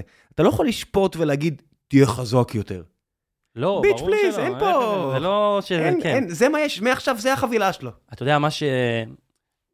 אני, כאילו, הדבר שאני אני מתעב בפוסט-טראומה, זה שזה, אה, אני לא מסוגל נפשית לשמוע סיפורים כאלה, כי אני מתמודד עם אחד משלי, ואני... אין לך מקום.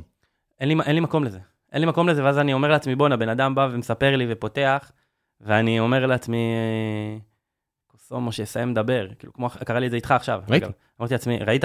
ניתוק בעיניים. אני, בוודאי. אני מתחמק, אני מתעלם, אני מזה. אני בדרך כלל קוטע אנשים להרבה יותר זמן. אנשים פה מאזינים מעריכים את זה שהפסקתי מיד כי ראיתי גם עליך. כן, כי קטעתי אותך, כי אני... לא קטעתי, ראיתי עליך. לא, אבל ראית עליי. אין לי, אין, לי, מק- אין לי מקום לזה. זה לא הופך אותי לפחות רגיש, להפך. לא, זה מה יש. זה מה יש, אני לא מסוגל להתמודד עם זה. כן. ושנים כעסתי.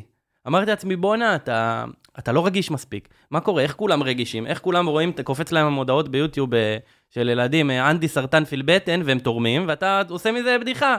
אתה צוחק, אומר, בואנה, לאן הם הגיעו? כאילו, לאן הם לפעמים רוצים? הם רע. לפעמים הם, אתה יודע, לא, לפעמים הם באים רע. לפעמים שמים לי ליד הילדה חולת סרטן, מישהי עם מחשוף עמוק, ואני אומר, אחי, לא יכול להיות שזה כזה ציני. לא, לא יכול להיות שזה כזה ציני. תקשיב, עזוב שזה כזה לא- ציני. אני לא- אני לא חי עם זה, זה לא מה להיות כזה חיפשת? מה השיר שחיפשת? אתה מחפש איזה שיר, אתה יודע, איזה משהו, אה, לא יודע. סרטן בעין ומחשוף פנוי. מה, כן, כאילו? אה, מה- אני אגיד לך מה, זה שמתלבשים על אה, מוזיקה, זה נוראי, כי אני מחפש שירים שמחים, כאילו, בדרך כלל, אתה יודע, ראפ וכאלה. אני שם קנדריק, ולשנייה לפני זה, אנדי סרטן פיל בטן, תעזרו. אחי, אתה יודע, לא מתאים עכשיו. לא מתאים. לא. כן, אבל- אבל אבל זה המציאות, אתה יודע. אתה מפחד מהביקורות שהגיעו על הספר? יגיעו, אני יודע שיגיעו. יגיעו גם ביקורות איומות. יגיעו. אני- אני יודע. תשמע, הכי גרוע, שלא יהיה כלום.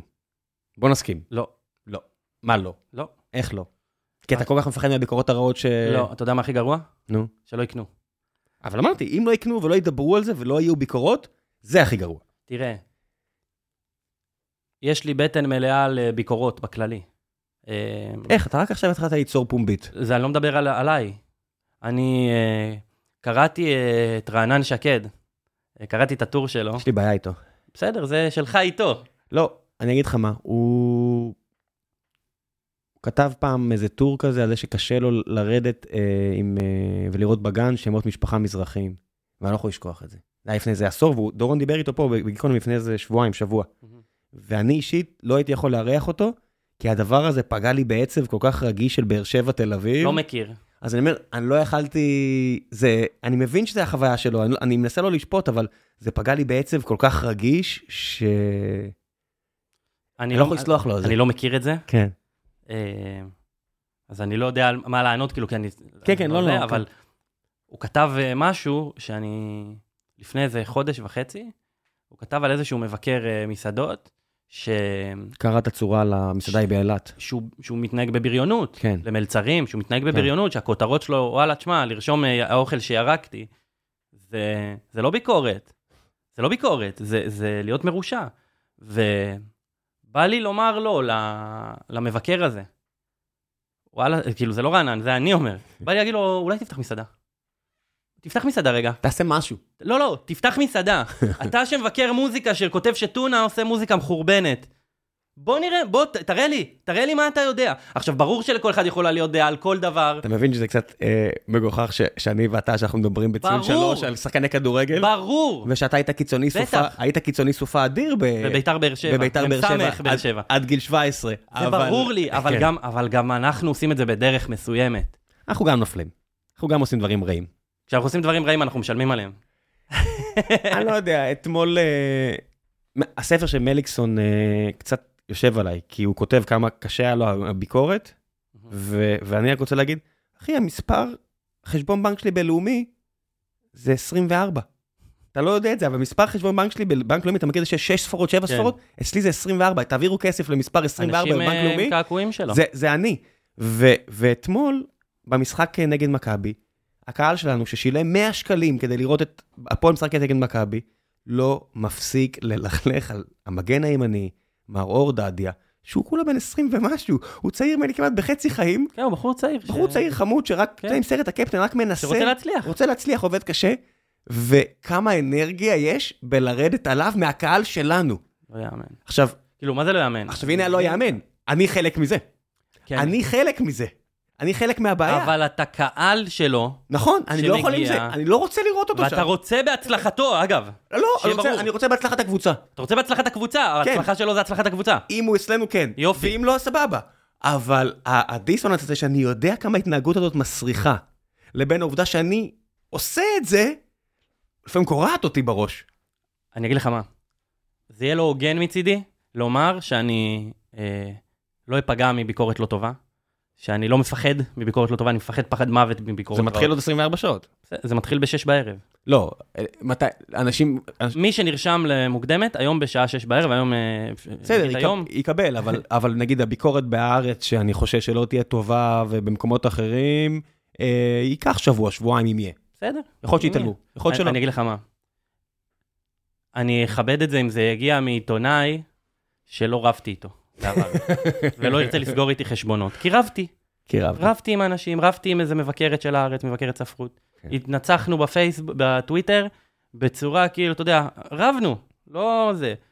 ואם זה תהיה סגירת חשבונות, אז גם אני, לא, זה לא איום, גם אני, אני מכיר את עצמי, גם אני אסגור חשבונות איתה, אתה מבין? זה לא איום, זו הבטחה. זאת הבטחה, אני אסגור חשבונות איתה. אם היא תעשה את זה, אני אסגור חשבונות, ואני לא, כן. אין לי איזה, אתה יודע, נגמרו הימים שהכוח נמצא במקום אחד, ומי שנמצא במקום הזה, הכוח אצלו, וכל השאר צריכים להוריד את הראש. כן. אני לא מוריד את הראש יותר בפני אף אחד. זה, זה מתחבר למה שאמרתי, אנשים לא מבינים מה זה שאתה גדל בבאר שבע ומרגיש, לא רק שאתה לא מאמין בעצמך, אלא אתה אומר, גם אם אני אאמין בעצמי ואני אנסה, הקלפים לא מחולקים שווה. למה זה מחולקים שווה? איזה שווה? על מה אתה מדבר איתי? אין, אין, זה לא קרוב לא- לחלוקים. לא... זה, זה המהפכה, אתה יודע, שאני רב הרבה עם אה, רולניק על מה, מה טוויטר ופייסבוק הביאו, אני מבין שזה הביא רע, זה מוציא גם ממני הרבה רע, אבל זה שזה הביא את האפשרות להגיע לקהל, כמו טיק טוק שאמרנו על החבר'ה האלה, בלי טלוויזיה, בלי שאיזה עורך יחליט בקשת, כן, לא. יש לנו חבר משותף שעשה סדרה בת זונה, כן. לאחת הרשתות הגדולות, כן. שאני ראיתי את הפיילוט, והם פשוט ביטלו אותה, כי זה לא התאים לאג'נדה הפוליטית, והם קצת פחדו ממה שזה יעשה, ו... וככה זה, יש לך מישהו חזק באחד הערוצים ואומר כן, לא. יש לך עורך של הארץ או מוסף הספרים בארץ, אומר כן, לא, ופעם זה הדבר היחידי שהיה. נכון. והיום, זה, זה קוריוז. תטעה, שלא תטעה.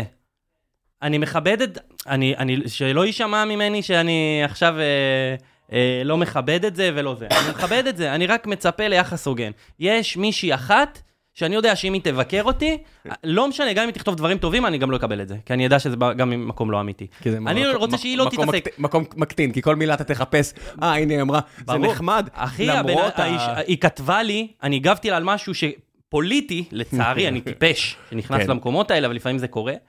והיא הגיבה לי, רציתי להגיד לך כבר הרבה זמן, שאתה לא, אה, לא שאתה לא יודע. לכתוב, ואתה מנסה למצוא חן בכתיבה שלך, זה ממש לא מוצא חן, אם אתה רוצה, אני אלמד אותך איך כותבים. עכשיו, עכשיו רגע, מה כתבת? גברתי, מה כתבת?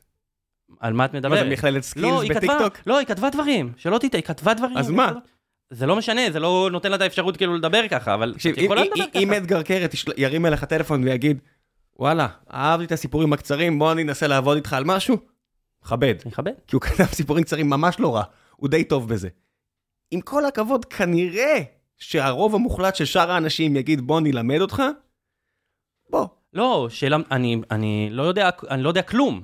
בסדר, אז מה, גם הם לא. שלי. אבל זה הגישה אבל שלי, לא. שגם הם לא. נכון, והחשיבות העצמית הזאת של אני יודע הכל ואני אני אעשה הכל. שמבקר ואני- מסעדות, שלא יודע מה. מבקר מסעדות שזה, אתה יודע, יש ל... אני מאוד מאוד מאוד אוהב את טונה. אני חוזר על זה שוב, אני מאוד אוהב אותו, את המילים שאני חושב שהוא הכותב הכי טוב בארץ, אני חושב שהוא מוזיקאי בחסד עליון.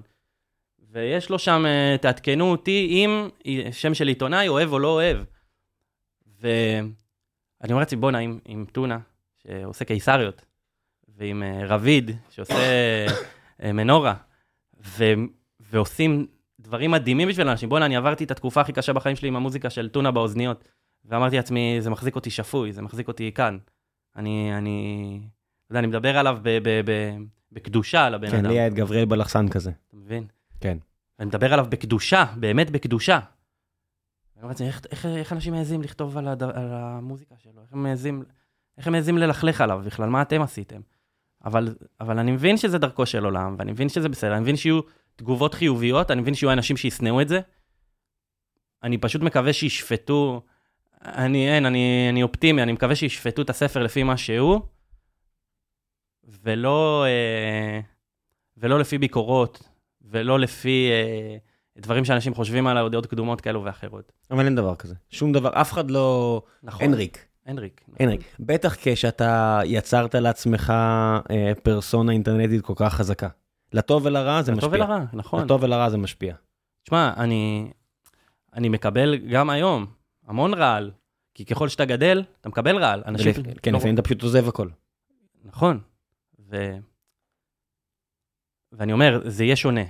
כי אני, אני, אני, רק המחשבה על זה, על ה, מה יקרה כשאני אקרא ביקורת ויכתבו שם שזה ספר נוראי ומחורבן, וזו שפה שאין, שלא צריך להשתמש בה, או יש שם מילים שלא... וזה הדברים הקלים עוד, שיגידו. אני רק חושב על זה, זה הופך לי את הבטן. זה גורם להיות מה? עצבני. כי... כי מי אתם? לא, כי המרפקים שוב. אתה חושב? את המרפקים שוב.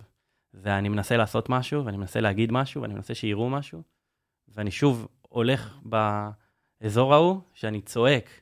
אני צועק, אני צריך להגיע לשם בשביל לקחת את הדבר הזה, אני צריך לעזור, ואנשים אה, לא שומעים אותי, לא שומעים את הקול שלי, לא נותנים לו מקום. כן, אבל זה אנשים נורא ספציפיים, ש...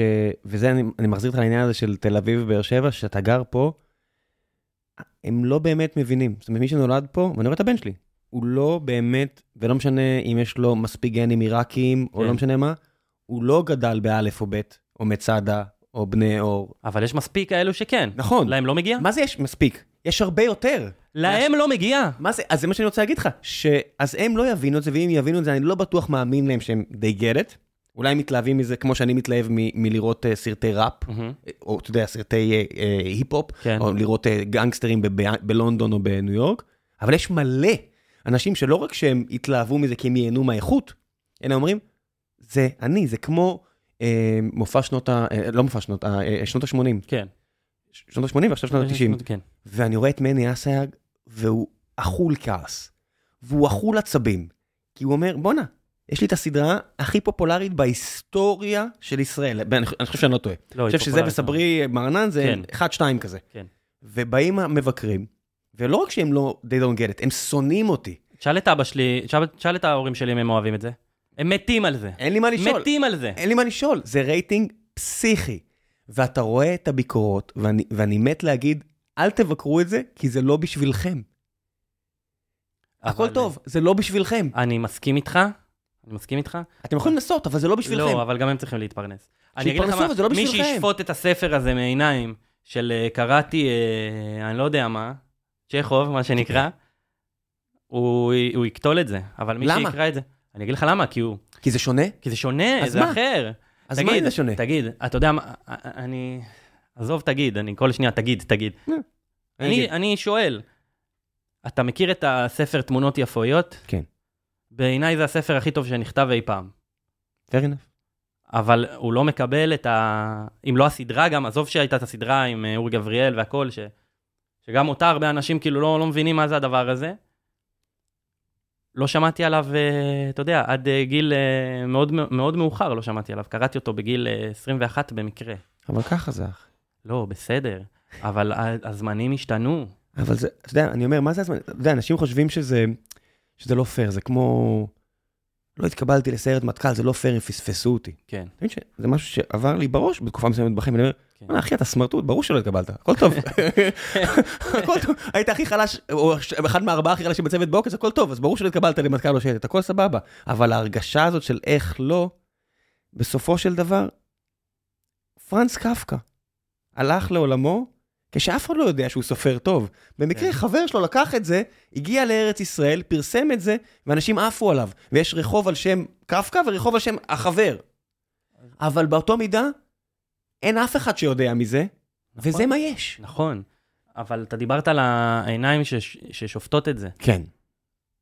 ואני אחזור רגע לזה. אם בסוף אה, יקראו את זה אה, כמות מסוימת של אנשים, והם יאהבו את זה, מבחינתי זה, זה הכל. ברור, כי זה גם פרנסה. עזוב את הפרנסה. אבל אני לא עוזב. זה לא, לא, תעזוב, אני אגיד לך למה, כי בספר אתה צריך למכור אלפי עותקים לא, לא, לא, בשביל לא. פרנסה. כן, זה, אני זה, לך כן. לא, אני מבין, אבל זה סולמות ונחשים. נכון, הספר, אם הוא יצליח, זה עוד סולם. המשחק נכון. לא נגמר אם הספר נכון, יצליח, נכון, אבל זה עוד סולם. נכון. גם, הספר- אגב, גם אם הוא לא יצליח. אה, אם הוא יהיה כישלון טוטאלי, זה יהיה נחש. זה נכון, זה מה יש. נכון. אבל זה סולמות ונחשים. ואם מלא אנשים יאהבו את זה, בסופו של דבר, תשמע, יש, יש פה סטנדאפיסטים שהם מצליחים ולא שמים עליהם זין, כי הם בסגנון שפחות בא טוב נכון. לאליטיסטים. נכון. אבל כל עוד אתה מתפרנס מזה ואתה מצחיק אנשים, אסף יצחקי. אז, אז מבין, עזוב, הוא, הוא סטנדאפיסט, הוא סטנדאפיסט עם הופעה טובה, שעובדת, וקהל ממלא, אה, ממלא אולמות, ו... אז הייתי לפני שבועיים, שלוש, אצל אסף, והוא היה צריך להפסיק את ההופעה, כן. כי הוא אומר, אחי, הצחוק שלך מפריע לי. לא חשבתי שאני אגיד את זה, מבין? אבל הצחוק שלך מפריע לי. והייתי מה זה צריך את זה באותו יום. צחקתי כל כך חזק, שכאב לי הבטן. ו... ויש כל מיני ביקורות עליו מסט- מעכברי סטנדאפ. מלא. לא אכנס- לא אכנס לזה. מלא ביקורות, והוא ענק. תקשיב, הוא... הוא... ההגשה שלו, ההגשה שלו, הכתיבה שלו, הבן אדם שהוא, עזוב, כן. הבן אדם שהוא, אני שמעתי אותו, אני שמעתי אותו מתארח אצל בן בן, בן בן ברוך, כן, בואנה, הוא, הוא אחלה של סחבק, ממש. ואני עובד רוצה קשה. שהוא יצליח, בא לי שהוא. יצליח. עובד קשה. נכון? כן. יש סטנדאפיסט שאנשים לא, לא כל כך אה, מכירים, הוא עוד לא זה, קוראים לו צח רוקח. הוא, בא, הוא סטנדאפיסט לא כזה מוכר, ויש לו, אה, יש לו הופעה שאני ראיתי כמה פעמים, ובעיניי הוא סטנדאפיסט טופ בארץ, ועוד לא שמעו עליו. עוד לא זה, הוא, אני לא יודע, הוא מופיע כבר כמה, 15 שנה? אנשים לא שמעו עליו בכלל. אתה אומר לעצמך, אני יודע מהצד שהוא יצליח. אני יודע, כן. יום אחד אני אגיד, אה, אני אגיד לאנשים, "ת- תחזור לגיקונומי, אצל ראם, דיברתי על צח רוקח. אבל איפה המקום שלו? לא בטוח שיהיה. אני מקווה שיהיה. אני מקווה שיהיה, אבל זה חלק מהעניין הזה של הצלחה היא לא מובטחת, ולפעמים צריך לעשות דברים בשביל להצליח, שהם קצת מסריחים. אז בסטנדאפ זה יכול להיות אה, לראות תופעה של מישהו מחו"ל ולהגיד, אני אקח את החומר הזה, אני אשנה אותו קצת. זה יהיה שלי. אבל הנה משהו שהוא קו אדום כאילו למלא סטנדאפיסטים, ואני אעשה את זה כי אני רס בן אמו, יצליח. אה, הוא קו אדום גם בשבילי, אני לא סטנדאפיסט, אבל הוא קו אדום. אני חושב שזה צריך להיות קו אדום לכל מי שיוצר, לא יודע. אבל זה עניין של אה, נ- זה עניין ו- של ואני אגיד אנשים. לך שאנשים עוברים קווים אדומים בחיים שלהם, וההצלחה משכיחה את זה, ומי יודע, יודע, ומי לא יודע, לא יודע, ו- אבל וזה אתה בכל יודע, ענף. אבל אתה יודע. אז אני יודע, ואתה יודע מה? לא, אז זה לא נכון. וזה יכול להיות שזה קצת יפריע לי על הבן אדם הזה או אחר, ובסוף, אתה יודע מה אני אזכור? הצחקת אותי? לא הצחקת אותי. זה הדר. הדר, החבר המשותף שלנו, כן. ש... שהוא הדבר הכי אשכנזי שלא שוחרר מ- מסוביבור. הבן אדם הכי מצחיק בעולם. הכי מצחיק. הכי מצחיק. אחד האנשים שאני הכי אוהב. הוא ועומרי הכי מצחיקים בעולם. כן, כי הם, כי הם מוכשרים, והדר תמיד יודע לתת לי את הוואן ליינרים האלה של, כן. אתה יודע, אני יכול לבוא ולעוף על משהו וזה, ולבוא להתפלצף, עושה לי, מצחיק או לא מצחיק? כותב מצחיק? עושה מצחיק? כי בסוף זה נמדד בזה, נכון. מצחיק או לא מצחיק? בידרת אותי או לא בידרת אותי? זה כמו בקוליסאום, are you not entertained? כן. אבל הספר לא בא רק להצחיק. הוא רוב הזמן לא מצחיק. נכון? כי אני מכיר את הסיפורים, ואני יודע מה זה הדמויות האלה. אמת. ואתה יודע מה הכי הופך, הפך לי את הלב? אני מקווה שהוא לא יכעס עליי שאני אומר את זה. כן. הלכתי עם כמה מהחברים שותפים שלנו, בדרך כלל אנחנו מחנים בטרנר, אה, בחול, כמו בדואים. כן. ולאחרונה התחלנו לחנות בתוך העיר. והרבה שנים אני כבר לא בתוך העיר. כן. ואני הולך דרך העיר שגדלתי בה, גרתי בבית, ונולדתי במצדה. ו- ואני, זהו, אני תל אביבי, כי אני הולך ואני רק אומר, וואו, אחי, זה לא בסדר. צריך להרוס פה הכל ולבנות מחדש. אנשים לא צריכים לגור במקום הזה, וזה לא פייר. וכשאני קורא את הספר שלך, זה מה שעבר לי בראש. אני רק אמרתי, אני מכיר חלק מהאנשים האלה, וזה לא בסדר. זה לא פייר, אין פה שוויון הזדמנויות. אין פה שוויון. עזוב שוויון, שוויון הזדמנויות, צ'אנסה להצליח. זה לא. בסדר. אז, אז, אז דיברנו על הרשתות החברתיות, כן. יש צ'אנסה להצליח. פשוט צריך, אתה יודע, התפיסה בראש, אם אתה מספיק חזק עם עצמך להגיד, אני יכול, אני יכול, אני עושה, אני הולך, אני עושה, זה נשמע כמו איזה קואוצ'ר, אתה יודע, שמנסה לשכנע אנשים לקחת הלוואה מבנק פועלים בשביל לקחת אה, משכנתא מלאומי. מכללת סקילס מכללת, כן, כן. כן. ומכללה למתמטיקה ועבודות עפר. גם- ולא זוכר על מה דיברנו, אני רק רוצה ללכת למכללה הזאת. כן, זה פרסומות מטורפות. לא, אבל, אבל אם אתה, אם אתה באמת, ואם את באמת רוצים את הדבר ותהיו מוכנים להקריב בשבילו, אני, אני מאמין שאפשר לעשות דברים. יכול להיות, אתה יודע, שאני מדבר עכשיו אחרי שנה מדהימה שעברתי, ועוד תשאל אותי עוד שנתיים, אני אגיד לך, וואלה, תשמע, אני לא יודע מה לעשות, אני... וזה קורה, זה גם המקצוע, יש... אה, סולמות ונחשים, אחי. נכון, זה המקצוע. סולמות ונחשים, אמת. ובסוף המשחק נגמר. אמת. אתה כן. יודע, כתבתי אה, מערכון לארץ נהדרת, ואז הוא עבד טוב, ואז כתבתי עוד שבעה, ואז עכשיו העונה כתבתי עוד מערכון אחד, ו... אה, ואני יודע שאם הם לא היו טובים, זה היה מתהפך עליי, כאילו, אתה מבין? מולי היה... מסיים. לא מדבר על מולי, אני מדבר על אנשים שהיו רואים את זה. אתה מבין? מי שכן, מי שלא. שמע, גם- לא. גם- גם הקטע עם שי שטרן, כן. או הקטע בכאן, מצחיק, מצחיק, מצחיק, מי שזה לא מצחיק אותו, שונא את זה, שונא את זה. כן? אבל זה ככה כלפי כל דבר בחיים. זה לא רק... אה, לא, יש כאלה שהם יותר פרווה. שזה או סבבה, או לא סבבה, ויש כאלה של וואו, אני עף על זה, ואני שונא את זה. אז אני מעדיף שיהיו אנשים שיגידו לי אני שונא את זה, ויהיו אנשים שיגידו לי, תשמע, זה מדהים, מאשר שיהיו אנשים שיגידו לי, זה נחמד, ויהיו אנשים שיגידו לי, אה, לא התחברתי. נכון, כי התעלמות זה אחד הדברים הכי קשוחים. אתה לא, אתה יודע, אני רואה את הילד, אם יש חרם, אין יותר קשוח מהתעלמות. בגלל זה אחד מהדברים הכי אלימים שאפשר לעשות בבית, זה משחק השקט. כן, זה אלים מאוד. זה אלים. מאוד. משחק השקט זה אלים זה אלים. מאוד. כן, אלימות זה לא כאפה רק. זה לא, באמת. זה, לא. זה, יש, מדברים על אלימות כלכלית ויש כל מיני כאלה, על משחק השקט, הוא משחק אלים לא, בעיניך? אתה יכול לשבור בן אדם עם משחק השקט. כן. אתה יכול לשבור בן אדם בהרבה דרכים, אבל כשאני רואה בן אדם שפה, שהוא לא יכול לעבוד ואני מדבר איתו, או מישהי, ואני מבין שיש לה בעיות בבית או דברים כאלה, אני, אני הלב שלי שם, כי אני, אתה יודע, זה, כולנו יודעים מה זה. אתה חייב לצאת בטח. מהזה. אבל אתה אמרת משהו על באר שבע שאני קצת, אה, קצת אה, מסתייג ממנו. דבר. כי אני לא חושב שצריך להרוס ולבנות מחדש. לא, אני גם לא. אה, אוקיי. אבל אני אומר, כשאתה עובר למקום התל אביבי, אני לא לגמרי... בסוף, אני לא רוצה שזה יהיה עוד תל אביב.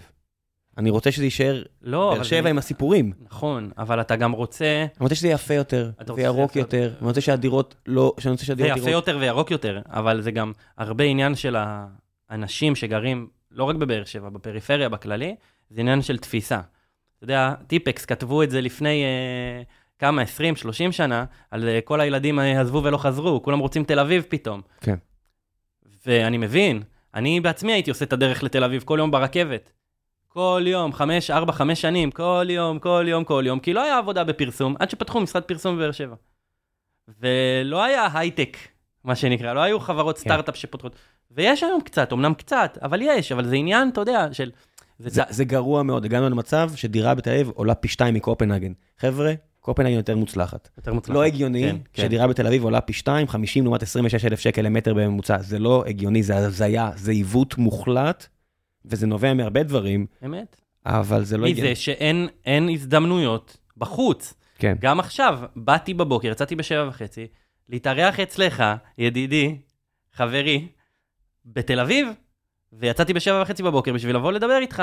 כי זה חשוב לך. כי זה חשוב לי, וחשוב לי אה, לכתוב לזה, וחשוב לי להיפגש עם היור, וח- אבל, והכל קורה כאן. כן. אז, אז אני צריך, אבל אני לא עוזב את באר שבע. כי אני מת על באר שבע, כי באר שבע היא גם, כמו שיבינו מהספר, היא גם הכוח שלי, והיא גם הסיפורים שלי, והיא גם ה... וואלה, אתה יודע מה? אני מתחיל, ה- ה- המשפט הראשון שיש פה בספר, כתוב תודה, ואז אח- אחר כך כתוב, לכל שכונה א' בבאר שבע, מהמכולת של מירי ועד בית הכנסת המשולש, ואני מדבר על זה ואני מסוגל, אתה רואה? כן. כי יש לזה מקום, כי יש כן. לאנשים האלה מקום, וצריכים קול. ויש להם קול, אני לא מתיימר, אתה יודע, אני לא מתיימר להגיד, "אה, הנה באתי ו... אבל וואלה, הספר הזה הוא קודם כל, קודם כל של שכונה א'. הוא קודם כל של שכונה ב' ונווה זאב וד' ורמות, והוא של קריית גת ואופקים וירוחם ומצפה ואילת וחיפה וקריית אתא. הוא קודם כל שלהם, ואם תשב כן, מישהי או וזה לא רק שלהם, זה הרבה פרטים. אתה יודע, שאתה כותב על הקווקזי שיושב על הברזלים כן. בנווה זאב, כן. יש לו שם. יש לו שם, כשאתה מגיע מבחוץ, הכל זה מקשה אחת. בסדר. הכל זה באר שבעים. אבל זה לא בסדר. מבחוץ לאיפה? כשאתה בא, תל אביבי בא לבאר שבע, אז אני אומר, אה, אין אין עיתון הארץ, זה העיר. אין. יש העיר. העיר מת, אבל מה שמת זה הארץ. הארץ הפך להיות העיר. אם חוסמים את הבימה, זה חדשות בהארץ. נווה זאב יכולה לעלות באש, זה יהיה אייטם של עשר דקות. אתה מבין? אבל כשאתה כותב עם שמות, אתה יודע, שאתה מביא שם לבן אדם, מזינה, כן. ו- והסוכן נדל"ן עם שני האיגורים, כן. וזה כוח, זה, זה שם. שם את שם. השם על מישהו, לכל אחד שנולד יש לו שם, יש לו סיפור. איזה כיף. כן, זה כיף, זה מה שחשוב. איזה כיף, איזה כיף, כן. איזה כיף. זה, אתה יודע, שהדר עשה את אה, שקופים כן. בטלוויזיה, והוא אמר, אנשים לא, לא יבינו את זה. עזוב, אתה יודע איזה ביקורות הם קיבלו? ואני, אם, אם אנשים היו יודעים שהבן אדם שכותב את זה נשוי לדוקטורית למגדר, והוא הבן אדם הכי ליברל שמאלן שיש, ואז הם האשימו אותו ב... אם היו יודעים איזה דברים הוא יצר, הוא כן. ו- והשותפים שלו, איזה דברים הם יצרו, כן. שכולנו כל כך אהבנו ונהנינו במשך שנים, הם היו כאילו, רגע, שנייה, בוא ננסה להבין מה ראינו. אני מת על זה. אני מת על שקופים. יש שם דמויות שבעיניי כאילו, זה זה, וואו. שקופים וחבל- זה הספר שלך. זה סוג של הספר שלך, רק בטלוויזיה. יכול להיות, כן. כן, זה סוג כן. של... בגלל ואז- זה גם אני מאוד אוהב אותם ומאוד אוהב את אלי. כן, ו- ובסוף, שזה אנשים זהב, ממש ממש ממש. מדהימים. ו- ו- ומי שנכנסה בהדר הכי חזק שם, אני חושב שזו הייתה אריאנה מלמד, כן. שעוברת גיהנום בבית. ו- ואני רואה את זה, ואני רואה כמה היא הכאיבה להדר, ואז אני אומר, בוא, יש לה ילדים עם אה, משהו עם כן. אלכוהול עוברי וכל הדברים האלה, ואני אומר, אני לא הייתי מחזיק מעמד, אני יותר, אני יותר חלש ממנה נראה לי. וזה שהיא לא כועסת עוד יותר, כן. מוריד את הכובע בפניה. אבל למה עליו? אתה מבין את הבאסה? זה כמו שאתה, עם כל הדברים שעברת. למה קראת להיטלר? ברור. למה אני? נכון. לך צק לקיר, לך צק ללמפה. נכון, אני מסכים איתך. בדיוק, זה לא תירוץ. נכון, אני אומר, זה לא תירוץ. אבל אני גם לא יכול לא לעצור לחשוב. נכון, אה, אתה חושב. כמו עם אור דדיה. אני אגיד לך מה. אני אומר, אחי, אתה המגן הימני הכי גרוע, לא רוצה לראות אותך, שיחזקאל רק יחזור, ומצד שני, בוא'נה, זה ילד חמוד שבא לי לחבק. אני לא יכול, זה זה אתה שני הצדדים של אז המטבע. אני, אני אחזור ואני אגיד לך על המבקרת ההיא, שהיא כותבת בעיניי טוב, אתה מבין? בעיניי היא כותבת טוב. כן. קראתי דברים שלה. כל עוד אל תכווני את זה על חברים שלי. ואמרתי, לא, ואמרתי, זה דברים טובים. אני עברתי איתה איזשהו גבול, אני, אני אשם, כן? בהתחלה. אני הגעתי לציוץ אה, שלה משום אתה מקום. מדבר על המבקרת בארץ. והגבתי משהו, וזה חרב פיפיות. כן. אני מבין את זה, הכל בסדר. אתה יודע, העובדה היא שעבר כל כך הרבה זמן, וזה עדיין כואב לי, לא בגלל שהדברים שהיא אמרה הם נכונים. היא כתבה לי שם את אה, אה, אתה כותב עם יותר מדי אה, אה, תיאורים, משהו כזה, וזה אה, לא מוצא חן. ואז, אתה יודע מה עשיתי? התקשרתי לשמואל אספרי, הגדול מכולם. עליו נאמר המשפט, עשה לך רב, קנה לך חבר. ואז הוא אמר לי, תשב עכשיו ותכתוב סיפור. אם אתה חושב שכאילו בדרך כלל יש לך תיאור שניים, תעשה עשרים. עכשיו תכתוב את- הכי מפורט שאתה יכול, הכי מנסה למצוא חן, הכי מעצבן. ואז אגב, בסוף הוא אמר לי, אגב, היא קצת צודקת על מה שזה, ברור. זה שינה לי. כן, כי שם תואר אחד זה אחלה. כן. שמונה, שמונה שמות. באמת? כן. היא צדקה. היא צדקה. הדרך שהיא עשתה את זה בעיניי היא לא מכבדת ולא זה, אבל היא צדקה. ו... לא יודע, תשמע, בסוף יגיעו ביקורות טובות, יגיעו ביקורות רעות, אין לי שליטה על זה. אני מבין שאין לי שליטה על זה, אני מבין שאין לי דרך, אה, אתה יודע, בוא נעשה קצת אה, שאלות מן הקהל, אה, לפני שבוקסה יגיע לדבר עם דסקל. כן. אה, מוטי שואל, האם שיחקת קדאווה ואיך זה השפיע על חייך? שיחקתי קדאווה, יש מצב שבעיטות לראש לא טוב לך, אתה יודע? לא, אף פעם לא הייתי בתוך הקדאווה, הייתי פחדן, הייתי רץ רחוק, וגם לא הייתי מרביץ, הייתי עושה כאילו אני משתתף, שנאתי את המשחק הזה. ברשימת ה... לא יאמן שזה משהו שאשכרה היה, אה, כן. ועדיין ישנו. כן, קדאווה זה משחק שבו חבורה של ילדים, לרוב בנים, אה, מסביב לפתח ביוב. כן. הבן אדם שנמצא על הפתח, ברגע שהוא יוצא מהפתח, הוא צריך לקפוץ על רגל אחת. על רגל אחת. אם הוא תופס מישהו, פוצצים אותו, מכות שוברים אותו עד שהוא נכנס לביוב. עד שמי שנתפס רץ לתוך הביוב. עד כן. שהוא מגיע לביוב, הוא חוטף בעיטות. כן, זה המשחק.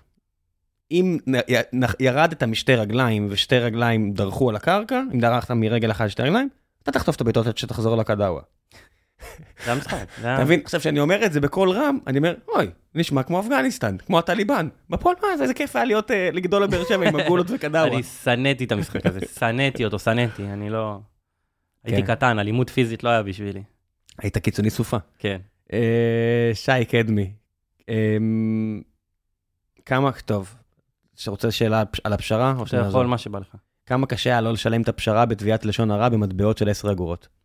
בכלל לא היה קשה. אני... זה הדבר, זה התשלום הכי משמח שאי פעם שילמתי על משהו. שילמתי והרגשתי הקלה אדירה שזה מאחוריי. הבנתי שזה שכר לימוד שהייתי צריך, אה, הייתי יכול לשלם הרבה יותר מזה. קרה לי גם. תבע אותי אה, צלם על אה, תמונת קאבר ששמנו בציון שלוש שנים תמונות, היה לו צילום ממש יפה שגנבתי בלי רשות כן. בדיעבד, תבע אותי, שלח תביעה, הגענו לפשרה תוך שעתיים. אני, מהרגע של הפשרה... מהרגע שהגיע האימייל כן. עד הרגע אה, שסיימנו משא סיימתי שעתיים, ומתן, וואו, סיימנו משא ומתן וואו. שזה מתחיל בשש ספרות ונגמר מן הסתם בפחות, ברור.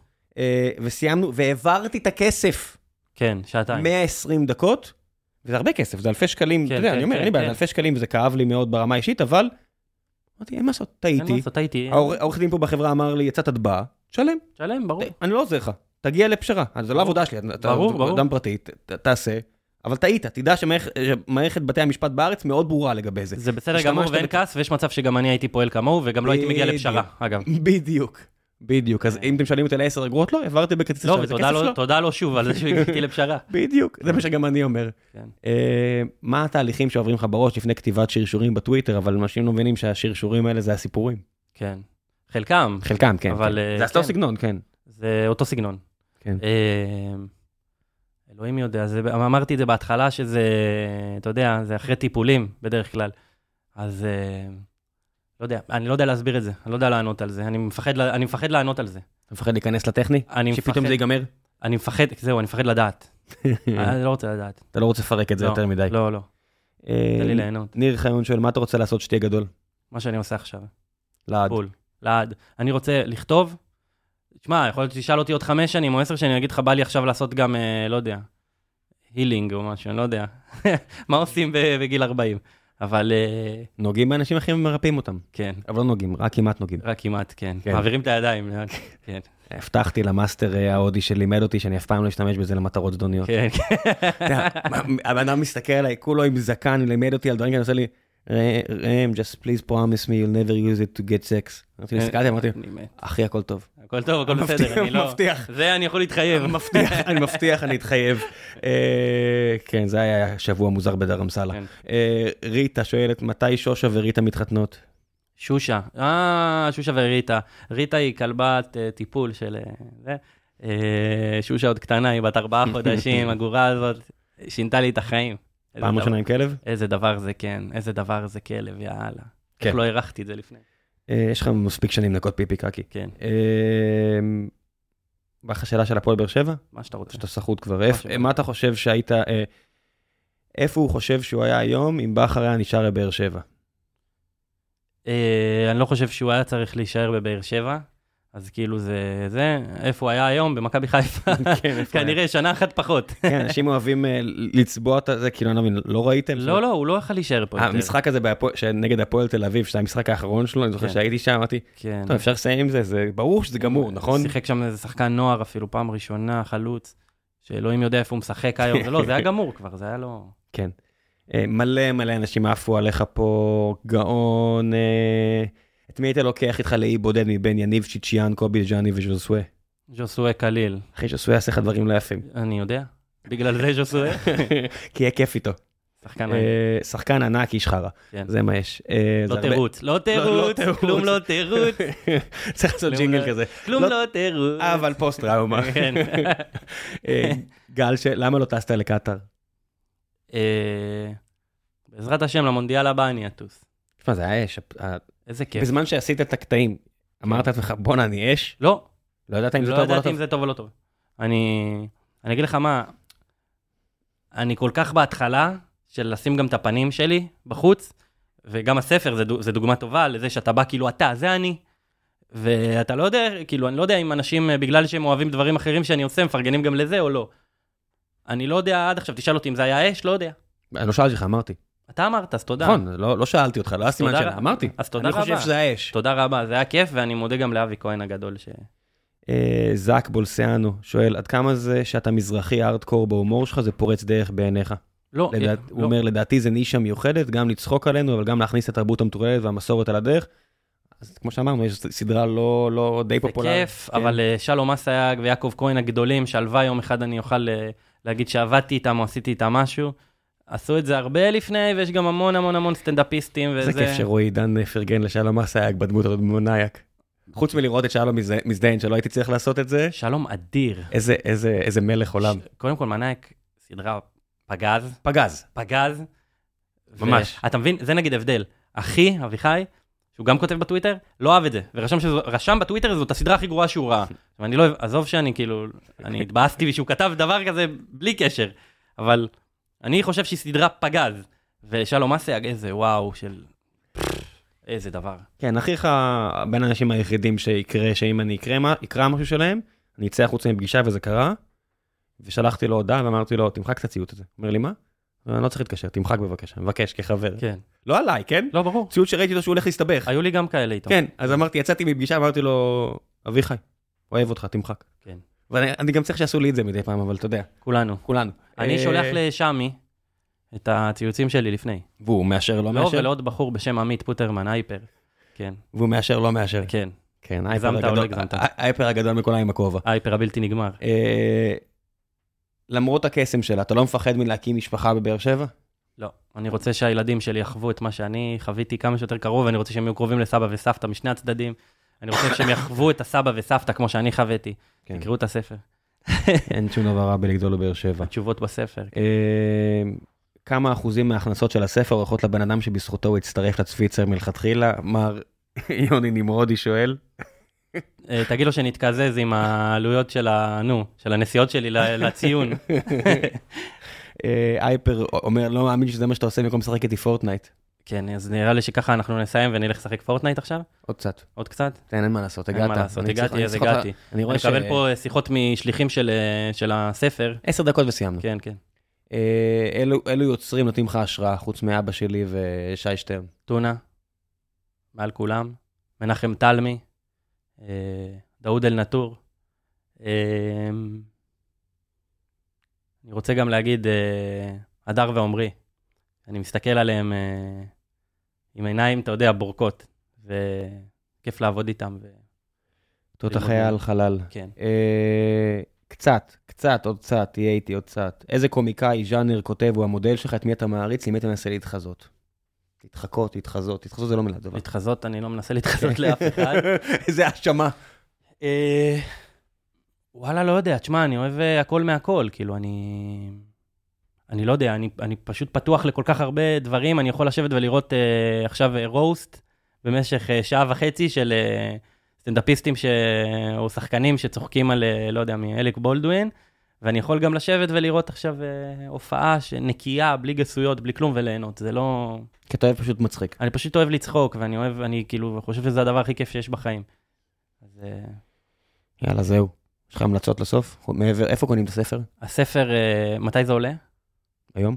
היום? כן. היום, אז אה, מחר אה, יהיה לינק. ב- מה זה היום? אני, אני בדרך כלל מעלה את זה בלילה, כי כן. יש לי דיי ג'וב, ואתה יודע, עם כל הכבוד, אבל אתה יודע מה אני מי אעשה? שיגיע, אני... לא, אני אעלה את זה עכשיו. איך אני? לא, אז אני... עכשיו אני אעלה את זה. אז גם אם אתה מעלה את זה עכשיו, אני, אז אני לא יכול להגיד, כי רק בשש תיפתח המכירה המוקדמת. עכשיו, זה יעלה עוד שעה. אני, אני לא יכול. ת, עוד בשעה... מה אתה לא יכול? אני לא יכול לתת את הלינק, אני מחויב לאנשים שנרשמו מראש. בשעה שש בערב ייפתח, אה, אה, נוסיף- להם למייל. אז- נוסיף את הלינק אחרי זה. אה, כן. סבבה. נוסיף את הלינק אה, רטרואקטיבית, אבל יהיה את הלינק מתישהו, כן. אה, בדף של הפרק, ומעבר ל... זה הכל רק קנייה ישירה? קנייה ישירה, כן. לא הלכתי עם אה, הוצאות וכאלו. אה, זה הדבר הכי קשה שעשיתי בחיים שלי, אבל אה, הנה, תשים את זה ב bio של אה, טוויטר. אני רוצה שתראה עכשיו כמה שיחות משליחים, מאז שאנחנו יושבים פה. צ'וקו הקטן. זה ליאור. צ'וקו הקטן. כן, תראה כמה שיחות.